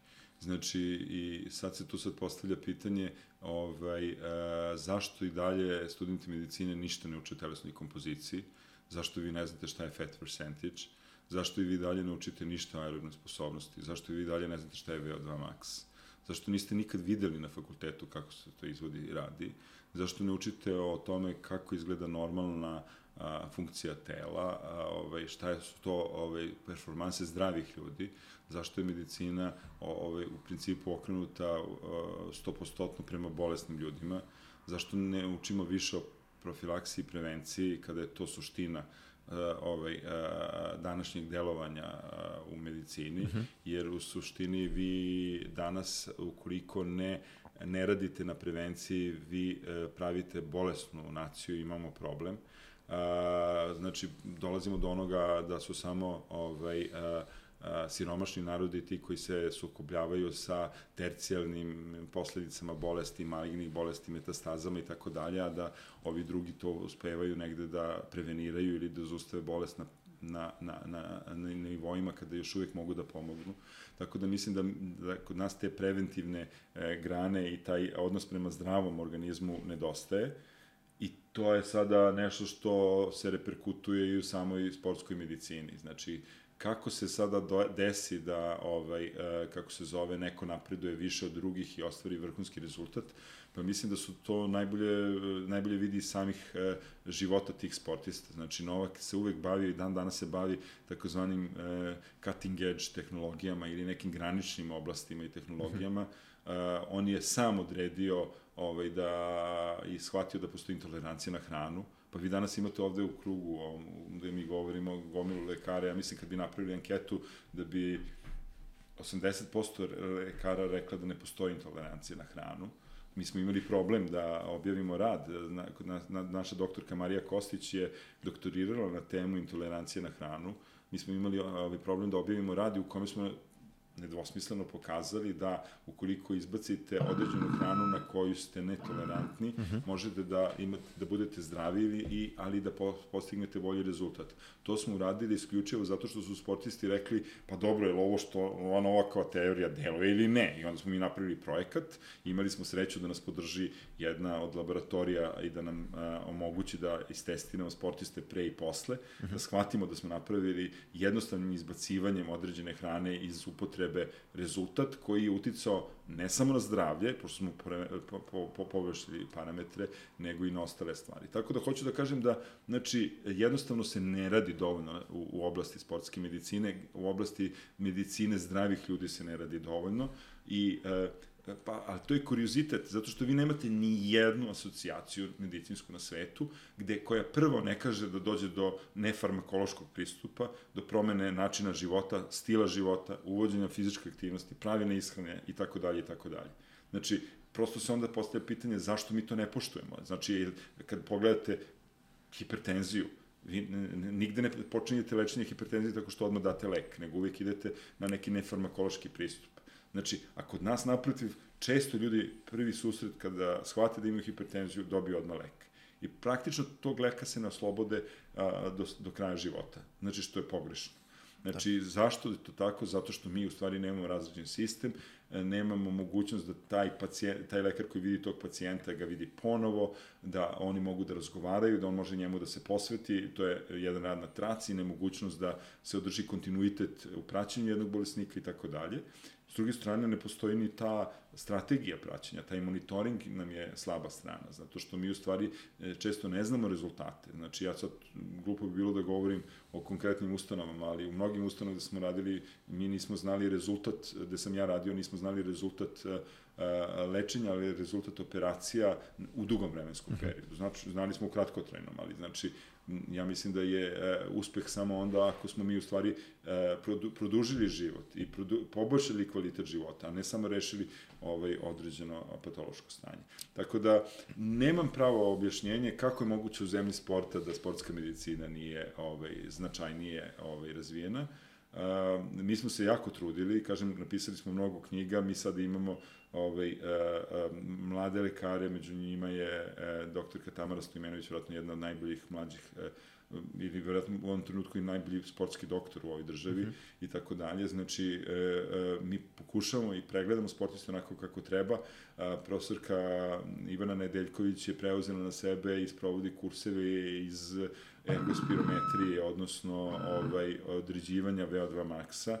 Uh, to su sada, ja ne znam koji kurs po redu, gde lekari koji smatraju i vide da je to uh, nešto što im treba i nedostaje u mhm. obrazovanju, mogu da završe kod nje ali znači ne mogu i dalje da shvatim zašto mi nemamo u svakoj većoj bolnici ergospirometriju kad je to jedan jednostavan uređaj nego je to sad privilegija određenih centara i tako dalje, pa čak i u centrima gde imamo, oni ne sprovode maksimalni test, ergospirometrijski test, nego su maksimalni ovaj, gde ne dobijamo pravi rezultat. Recimo, ja sam imao problem sa Zavodom za sportsku medicinu, gde sportista koje ja pratim dođu sa submaksimalnim testom. Meni taj test ništa ne znači. Znači, zdravom čoveku su maksimalni test ništa ne znači. Zato što nije za očekivati da će e, mlad organizam koji trenira da ima ischemiju. Naprotiv, za očekivanje da je taj organizam zdrav i e, ključno pitanje je koliko on ima koliko potrošnju kiselnika ima, da bi mi u stvari kroz trenažni proces uticali na, na to da se to poveća i tako dalje. Znači, to je suština. Ali pomaže našim sportistima to što smo, mi Srbi generalno imamo taj pristup da je ceo svet protiv nas i onda u inad hoćemo da postignemo sve te rezultate. Kakvi su... Ako pogledate zadnji rezultat Novakova, očigledno da da, da, da, to je Novak ipak priča da, za sebe, da, ali da, priča, taj... generalno pričamo o... nije Novak i ostvarili smo rezultate u košarci, ostvarili smo rezultate mhm. -huh. u, u mnogim sportovima tako što smo imali a, ovaj, neku vrstu inata, odnosno dokazivanja da smo mi, ovaj, kako se zove, najbolji u nečemu, iako objektivno možda i nismo najbolji, ali taj timski duh je važan, znači nismo mi slučajno ovaj, lideri u tim timskim sportovima, praktično svim sem u futbolu, što kaže onaj, u, futbol, u Srbiji svi igraju u futbol, ali su prvaci iz, u vaterpolu, košarci i odbojci. Da, da, da, da, da. Ona šala. Ali to je tačno, znači, mislim, tako da, ovaj, pa pomaže, mislim, sad, taj, taj deo psihologije sporta je nešto što smo mi poslednje zakačili, mi smo se tu isreli, uh mhm. -huh. mi sad radimo u jednom projektu Mindful Muscle, znači da je u stvari pokušavamo da kažemo ljudima da trebaju da koriste um, da trebaju da promišljeno pristupaju problemu da bi ga na neki način rešili. I mi mislimo da je to dobar savet. Objektivno meni kao stručnjaku koji se eto tako dugo bavi time je nejasno zašto a, mentalni trening nije sastavni deo treninga kao što imamo trening snage, kardio trening, zašto mentalni trening nije sastavni deo toga, zato što se u principu jednostavno sprovodi, naravno na njemu treba raditi kao i na drugim treninzima, ali nije e, ovaj, nikakav bauk i ne trebate da imate ne znam kakve stručnjake, kao što nemate stručnjake, e, najbolje kardiologe kad radite kardio trening, tako i ovde ne trebate da imate najbolje neke psihologe, treba možda neko da vas, psihijatre, treba neko da vas posavjetuje i da onda shvatite da taj um možete taj umnost, taj, taj pristup tome, znači da, da, da, da ostvarite, to je značajno za, za, za, za obične ljude, zato što obični ljudi često sebi zadaju um, zadatke koji ne mogu da ostvare, a, a nisu zadovoljni malim napredovanjem, nego odmah žele, ne znam, da imaju kakve mišiće, odmah žele da postignu ne znam kakav rezultat, odmah žele da istrče polumaraton i tako dalje, što nije realno. Realno je da idu korak po korak i realno je da shvate da samo ovaj, redovnost, odnosno rutina, što me pita jedan novinar, pa kao dobro, šta je najvažnije? Najvažnije je ta rutina. Najvažnije je da vi ne trenirate jedne nedelje tri put, jedne nedelje uopšte ne trenirate, one tamo nedelje trenirate jedan put, nego da trenirate stalno isto, znači da imate kontinuitet u tome, zato što taj trening na kraju krajeva i nije bitan zbog tog rezultata, nego je bitan prvenstveno zbog vašeg zdravlja. A koji su neki osnovni principi te ovaj, psihe higijene, odnosno psihičke higijene, to jest kako se koje su neke dnevne stvari koje bi trebalo sportiste da poštuju da bi ostali pribrani i, i, i u miru sa samim sobom? Mi imamo svi negativne misli, mi imamo svi negativne misli u toku dana, zato što, znači, kad pomislimo na nešto, mi a, sebe negde tu odvraćamo od mogućnosti da pomislimo da ćemo to dobro mhm. uraditi, uh -huh. nego mi mislimo da ćemo to loše uraditi. Pa, znači, gledamo nešto što želimo da postignemo, pa kažemo, ja, oni bolje rade a od, od mene, a oni, ja to nikad neću raditi. Mm -hmm. na, mislim da su to sve, ta, te negativne misli, to je jedna od a, pretpostavki koja treba da bude promenjena da bi a, ovaj, napredovali. Znači, ne kažem ja da treba da sebe hrabrimo i dajemo sebi ne znam kakve ovaj, a, ideale i tako dalje, ali trebamo realno da ovaj, konstatujemo situaciju, da vidimo šta je problem i da, da rešimo taj problem. A, taj deo mentalnog treninga stvari neka vrsta autogenog treninga koji je najpribližniji, ovaj, ili meditacije, koji je najpribližniji belom čoveku. Znači, nismo mi ovaj, na nivou budista, Maharishi, Makešija i tako nekih kako se zove, istočničkih filozofija, mada to neki ljudi praktikuju, ali je znači prvenstveno vezana za opuštanje organizma i za disanje. Uh. -huh. e, kod nas disanje opet se ne uči, mislim, znači, evo, ja, meni je Meni je prosto žao zato što mislim da a, to disanje se stalno zanemaruje, a disanje je osnova svega. Kao što sam vam rekao da sam samo disanjem popravio a, trčanje svoje prijateljice a, koja nije mogla da postiže veći intenzitet upravo zbog mm -hmm. toga što nije disala kako valja. Mislim da svako od nas u toku dana a, ovaj, kako se zove, ne misleći na disanje, u stvari a, neadekvatno oksigeniše svoj organizam, samim tim a, metabolizam nije ovaj, na onom nivou na kom bi bio nivou tog organizma, ne nekog poboljšanja i tako dalje, i da, da mi tu patimo. Tako da, a, beli čovjek je opet video ovaj, da je to problem i ono što sam ja pričao skoro i sportistima, a i a, vama kad smo se mhm. videli, mm -hmm. to je ta napravica aerofit, znači, pošto mi nismo u stanju da sami zamislimo da dišemo normalno, da sami sputamo brzo disanje, da sami punimo ceo grudni koš čak i u miru, da se opustimo, znači oni su napravili jednu spravicu koja to, zahvaljujući aplikaciji, koja je očigledno sada nama ovaj, značajnija nego da. normalno razmišljanje, ovaj, pomogne u, u disanju. Znači, tako da, taj autogeni trening, opuštanje, e, disanje, e, borba sa negativnim mislima, borba sa ovaj, onima što nas što dovodi do naše anksioznosti i stresa, bitno može da pomogne ovaj, u, u, u svemu tome. I naravno, opet mogu neki suplementi da se iskoriste Znači da, da, da. tu pomognu, znači prvenstveno mislim na CBD. da. Koji da. ovaj, kod nas opet e, kliska tema u kome ne treba da se govori, a to je jednostavno sredstvo koje pomaže. Uh, vratio bi se sada još jednom samo na početak, pošto se polako i približavamo kraju.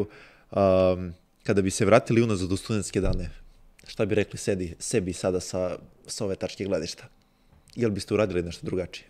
Pa ne znam, ja mislim, ja sam želeo, pa nisam sticajem okolnosti ovaj, otišao u inostranstvo. Uh mhm. -huh. ovaj, mislim da nije to pitanje sada odlaska u inostranstvo zbog uh, toga da uh, vi pobegnete odavde. Nije ni uh, problem u tome da vi odete negde gde ćete biti bolje plaćeni, a to jeste jako važno nego je problem u tome da čovjek treba da ide tamo gde će, ovaj, kako se zove, uh, moći više da nauči i više da sazna.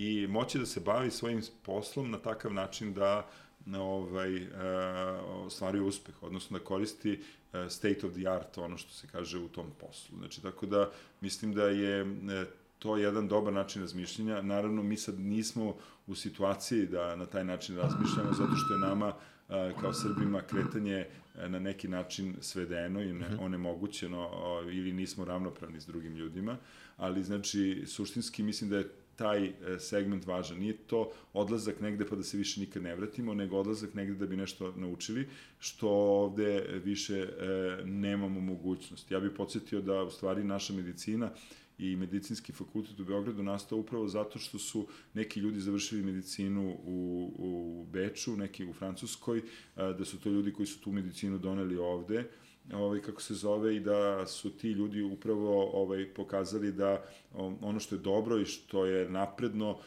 znači jedini način da razumete je da shvatite i da odete tamo, da, gde se to, ovaj, kako se zove, upražnjava i radi. S druge strane, sad opet, možda i to nije toliko velika prepreka, zato što uh, mi sad živimo u jednom globalnom selu, znači nešto što se dešava, ne znam, u Americi, mi jako brzo saznamo da, ovaj, i tako dalje, i sad je pitanje primene toga, znači, opet kod te primene je problem uslova i sredstava, najčešće finansijskih, da se nešto da dogodi, ali mi se tu nalazimo u dobroj situaciji, tako da, recimo, iako nisam otišao u inostranstvo, ono što smo radili ovde, mi smo radili na nekom vrhunskom nivou, E, napravili smo, na primjer, što je nevjerovatno, antidoping agenciju koja je bila uzor svim bivšim jugoslovenskim republikama, iako su dve republike, Slovenija i Hrvatska, sada u Evropskoj uniji, u Schengenu, mi smo njima pomagali, a ne oni nama, kad se pravila njihova antidoping agencija i tako dalje. I mi smo, znači, tu, zahvaljujući idejama i znanju, ovaj, uspeli da se nametnemo i nekim drugim organizacijama, tako da nije e, ni čudo što jedan veliki broj naših lekara radi u nekim internacionalnim federacijama kao, ovaj, a, kao doping stručnjaci, odnosno kao medicinski stručnjaci. Evo ja sad, znači, u jednom sportu koji nije tipičan za nas vodim, a, sam antidoping menadžer, to je mhm. rugby i tako dalje. Ali, znači, svakom slučaju mislim da je neophodna ta komunikacija sa svetom i neophodno je da ovaj, a, iskoristimo sve ono što je pozitivno i tako dalje, znači da to naučimo ovde ljude. Uh mhm. -huh. Tako da i ti naši sportisti, ono koje, one koje ste vi spominjali prethodno, ovaj, upravo jesu takvi zato što su iskoristili svetsko znanje. Znači, bez obzira koji su, evo sad pogledajte naše futbolere, oni imaju ovaj, upravo zahvaljujući toj nekoj medicini koja je najbolja u, u Evropi, svi naši futboleri su ovaj, u situaciji da dobro napreduju uh -huh. i mi smo ovaj tim koji je bio ovaj, u Kataru ovaj, možda nesrećni bili zbog raznih drugih okolnosti, ali ono, dakle su oni došli, nama je govorilo u prilog toga da to znanje koje imaju i to što su tamo naučili, stekli, pa i uključujući medici, kako su bili medicinski tretirani, je njih, a, a, ovaj, kako se zove, a, prosto stvorilo da mogu da, možemo da verujemo da će da ostvare vrhunski rezultat. Um, za kraj bih vas pitao jedno interesantno pitanje koje sam mislio da, da, da ubacim zapravo od ove epizode. Konstantno mi vas pitamo nešto, studenti konstantno pitaju profesore. Šta imate vi nas da pitate? Da imate neko pitanje pa ja koje imam, bi... ne znam, ja ono što pitam studente, ja samo pitam e, studente zašto ste vi, u vašem slučaju to očigledno besmisleno pitanje, ali zašto su studenti, e, zašto studenti nisu studenti?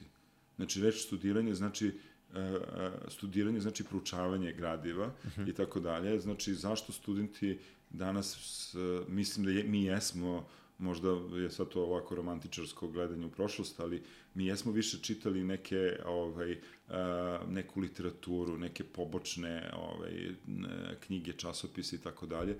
Zašto studenti danas pribegavaju samo tome da polože ispiti, da završe i da idu dalje?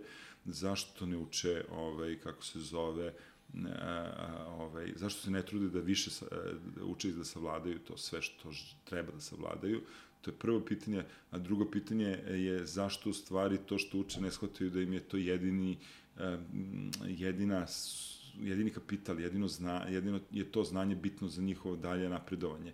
Jer ono što nauče i što prihvate i pogotovo što nauče kao neku vrstu veštine i tako dalje, ih opredeljuje za dalji rad i pruža im mogućnost da otvore razna vrata. Znači, bez toga to ne mogu da urade. Tako da, eto, to je pitanje. Pa odgovorio bih vam time, verovatno, na način na koji većina nas razmišlja, to je um, da prvenstveno da se izgubio sistem vrednosti, sistem toga da, da se poštoje kada neko zna i kada neko želi da uči, a drugo da sve više i više čujem ja stvarno ne znam ni više što sam upisao u medicinu, kad ću da je završim, imaću kao neki dinar, ali opet neće to, to da bude kad će neki tamo koji se bavi nečim imati više para od mene. Mislim da ste vi kao generacija, to, o tome sam baš pričao i u prošloj epizodi, a, imali potpuno drugu svest i drugi pogled na svet. Mislim da vas novac nije toliko interesovao koliko je sada on um, apsolutno nerazdvojiv deo realnosti i neče, neke, neke budućnosti.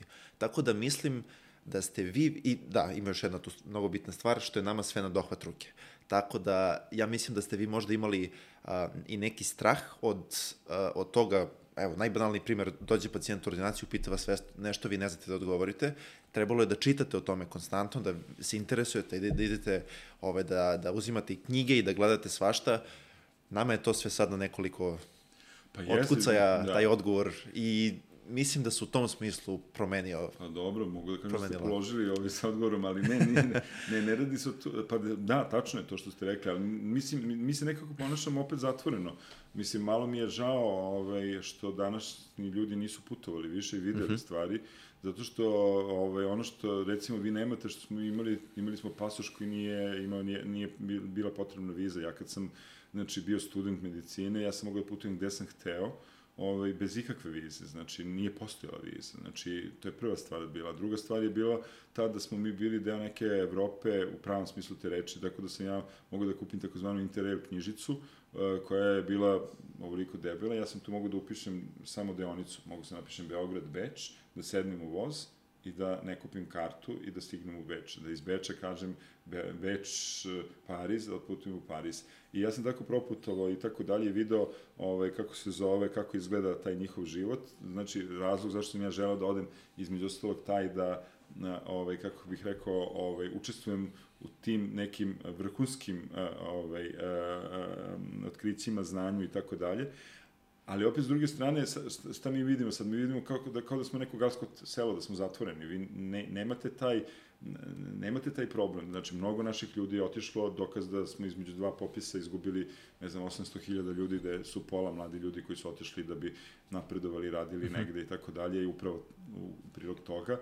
E sad, kada vi odete odavde, ukoliko niste dobro učili, ukoliko niste čitali, ukoliko niste osvojili znanje na pravi način, ukoliko ste to radili samo zato da bi dobili neku ocenu, mm -hmm. vi niste kompetitivni. Mi smo uh, nekako, čini mi se, izgubili tu kompetitivnost za koju niste vi krivi. Krivi je obrazovni sistem, zato što je nas obrazovni sistem bitno otišao ove, kako se zove, dole u odnosu na ono što je bio u prošlosti. Tako da, ovaj, uh, je jako važno da to razumemo, jer um, ako nam je stalo do toga, i nama, i vama, i studentima, i profesorima, i celom društvu, onda bi morali da to pokušamo da popravimo. Međutim, mi to ne popravljamo, samim tim što svi ti profesori, učitelji i tako dalje žive u, ovaj, kako se zove, nenormalnim ekonomskim uslovima, praktično preživljavaju, mi ne napredujemo i mi gubimo tu kompetitivnost. Mhm. Znači, mi smo ranije možda bili u posebnom položaju zato što su ljudi iz Srbije mogli da putuju po Evropi, a dok pola istočne Evrope nije moglo da putuje. Sada kada se istočna Evropa otvorila, ja, ja mislim da mi teško možemo da budemo kompetitivni prema Poljacima, Česima i tako dalje. Da. Znači da su oni jako puno napredovali i da su upravo, ovaj, kako se zove, shvativši gde su bili, a gde želi da bude, mnoge stvari promenili. Mislim da mi moramo tu da promenimo te stvari e, i na taj način menjamo i studente, ali mi to ne radimo, tako da mislim da je e, ta vrsta problema e, očigledno na celom društvu, ali svakako na onome ko je glavni izvođač, a to su fakulteti, odnosno univerziteti. Jel imate vi još nešto što biste htjeli da dodate, evo, što, čega se nismo dotakli, a što smatrate da je bitno? To ne znam, ovdje, da, šta bi tu još još trebalo, ovaj, kako se zove reći, e, suštinski je, e, ne znam, meni najvažnija ta vrsta nekog, e, ne, neke, e, kako bih rekao, etičnosti u tom svemu. Mhm. Znači da nekako, e, prvo pod jedan, ne dozvoljavamo da radimo drugim ljudima ono što ne bi želili nama, a s druge strane da a, kroz tu neku, ovaj, a, na, naš rad pokušamo stalno da pomognemo drugim ljudima, zato što mislim da mi ne možemo i mi nismo nikakve izolovane jedinke, nego da mi živimo samo u jednoj zajednici, da ta zajednica vredi onoliko koliko ovaj, vredimo svi mi zajedno, a ne individualno.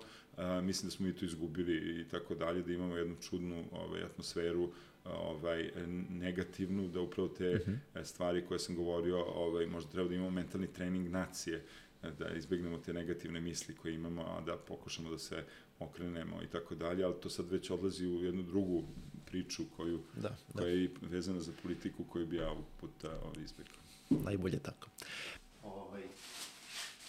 jedno sponzorstvo koje smo ostvarili sa BPS uniformama i u njihovo ime bih vam dodeli ovo, to je uniforma, medicinska uniforma. A, medicinska uniforma. Tako je, da, da, da. da. Tamanče nositi, Tako da, da su oni, eto, da, da. sada postali zvanični, zvanični ovaj, sponzori podcasta. Divno, Hvala im još jednom na tome, da. Da, i le, boja je ona koja mi odgovara, tako e, pa, više odlično. volim nego zelenu. Odlično, da, odlično. Da, da. Hvala. Ovaj, tako da, zahvalio bih, da, zahvalio bih vam se ovaj, na gostovanju, stvarno je bilo divno pričati sa vama, a vama, dragi gledalci i slušalici, hvala, slušalci, hvala što ste se uključili i do sledećeg viđenja, pozdrav.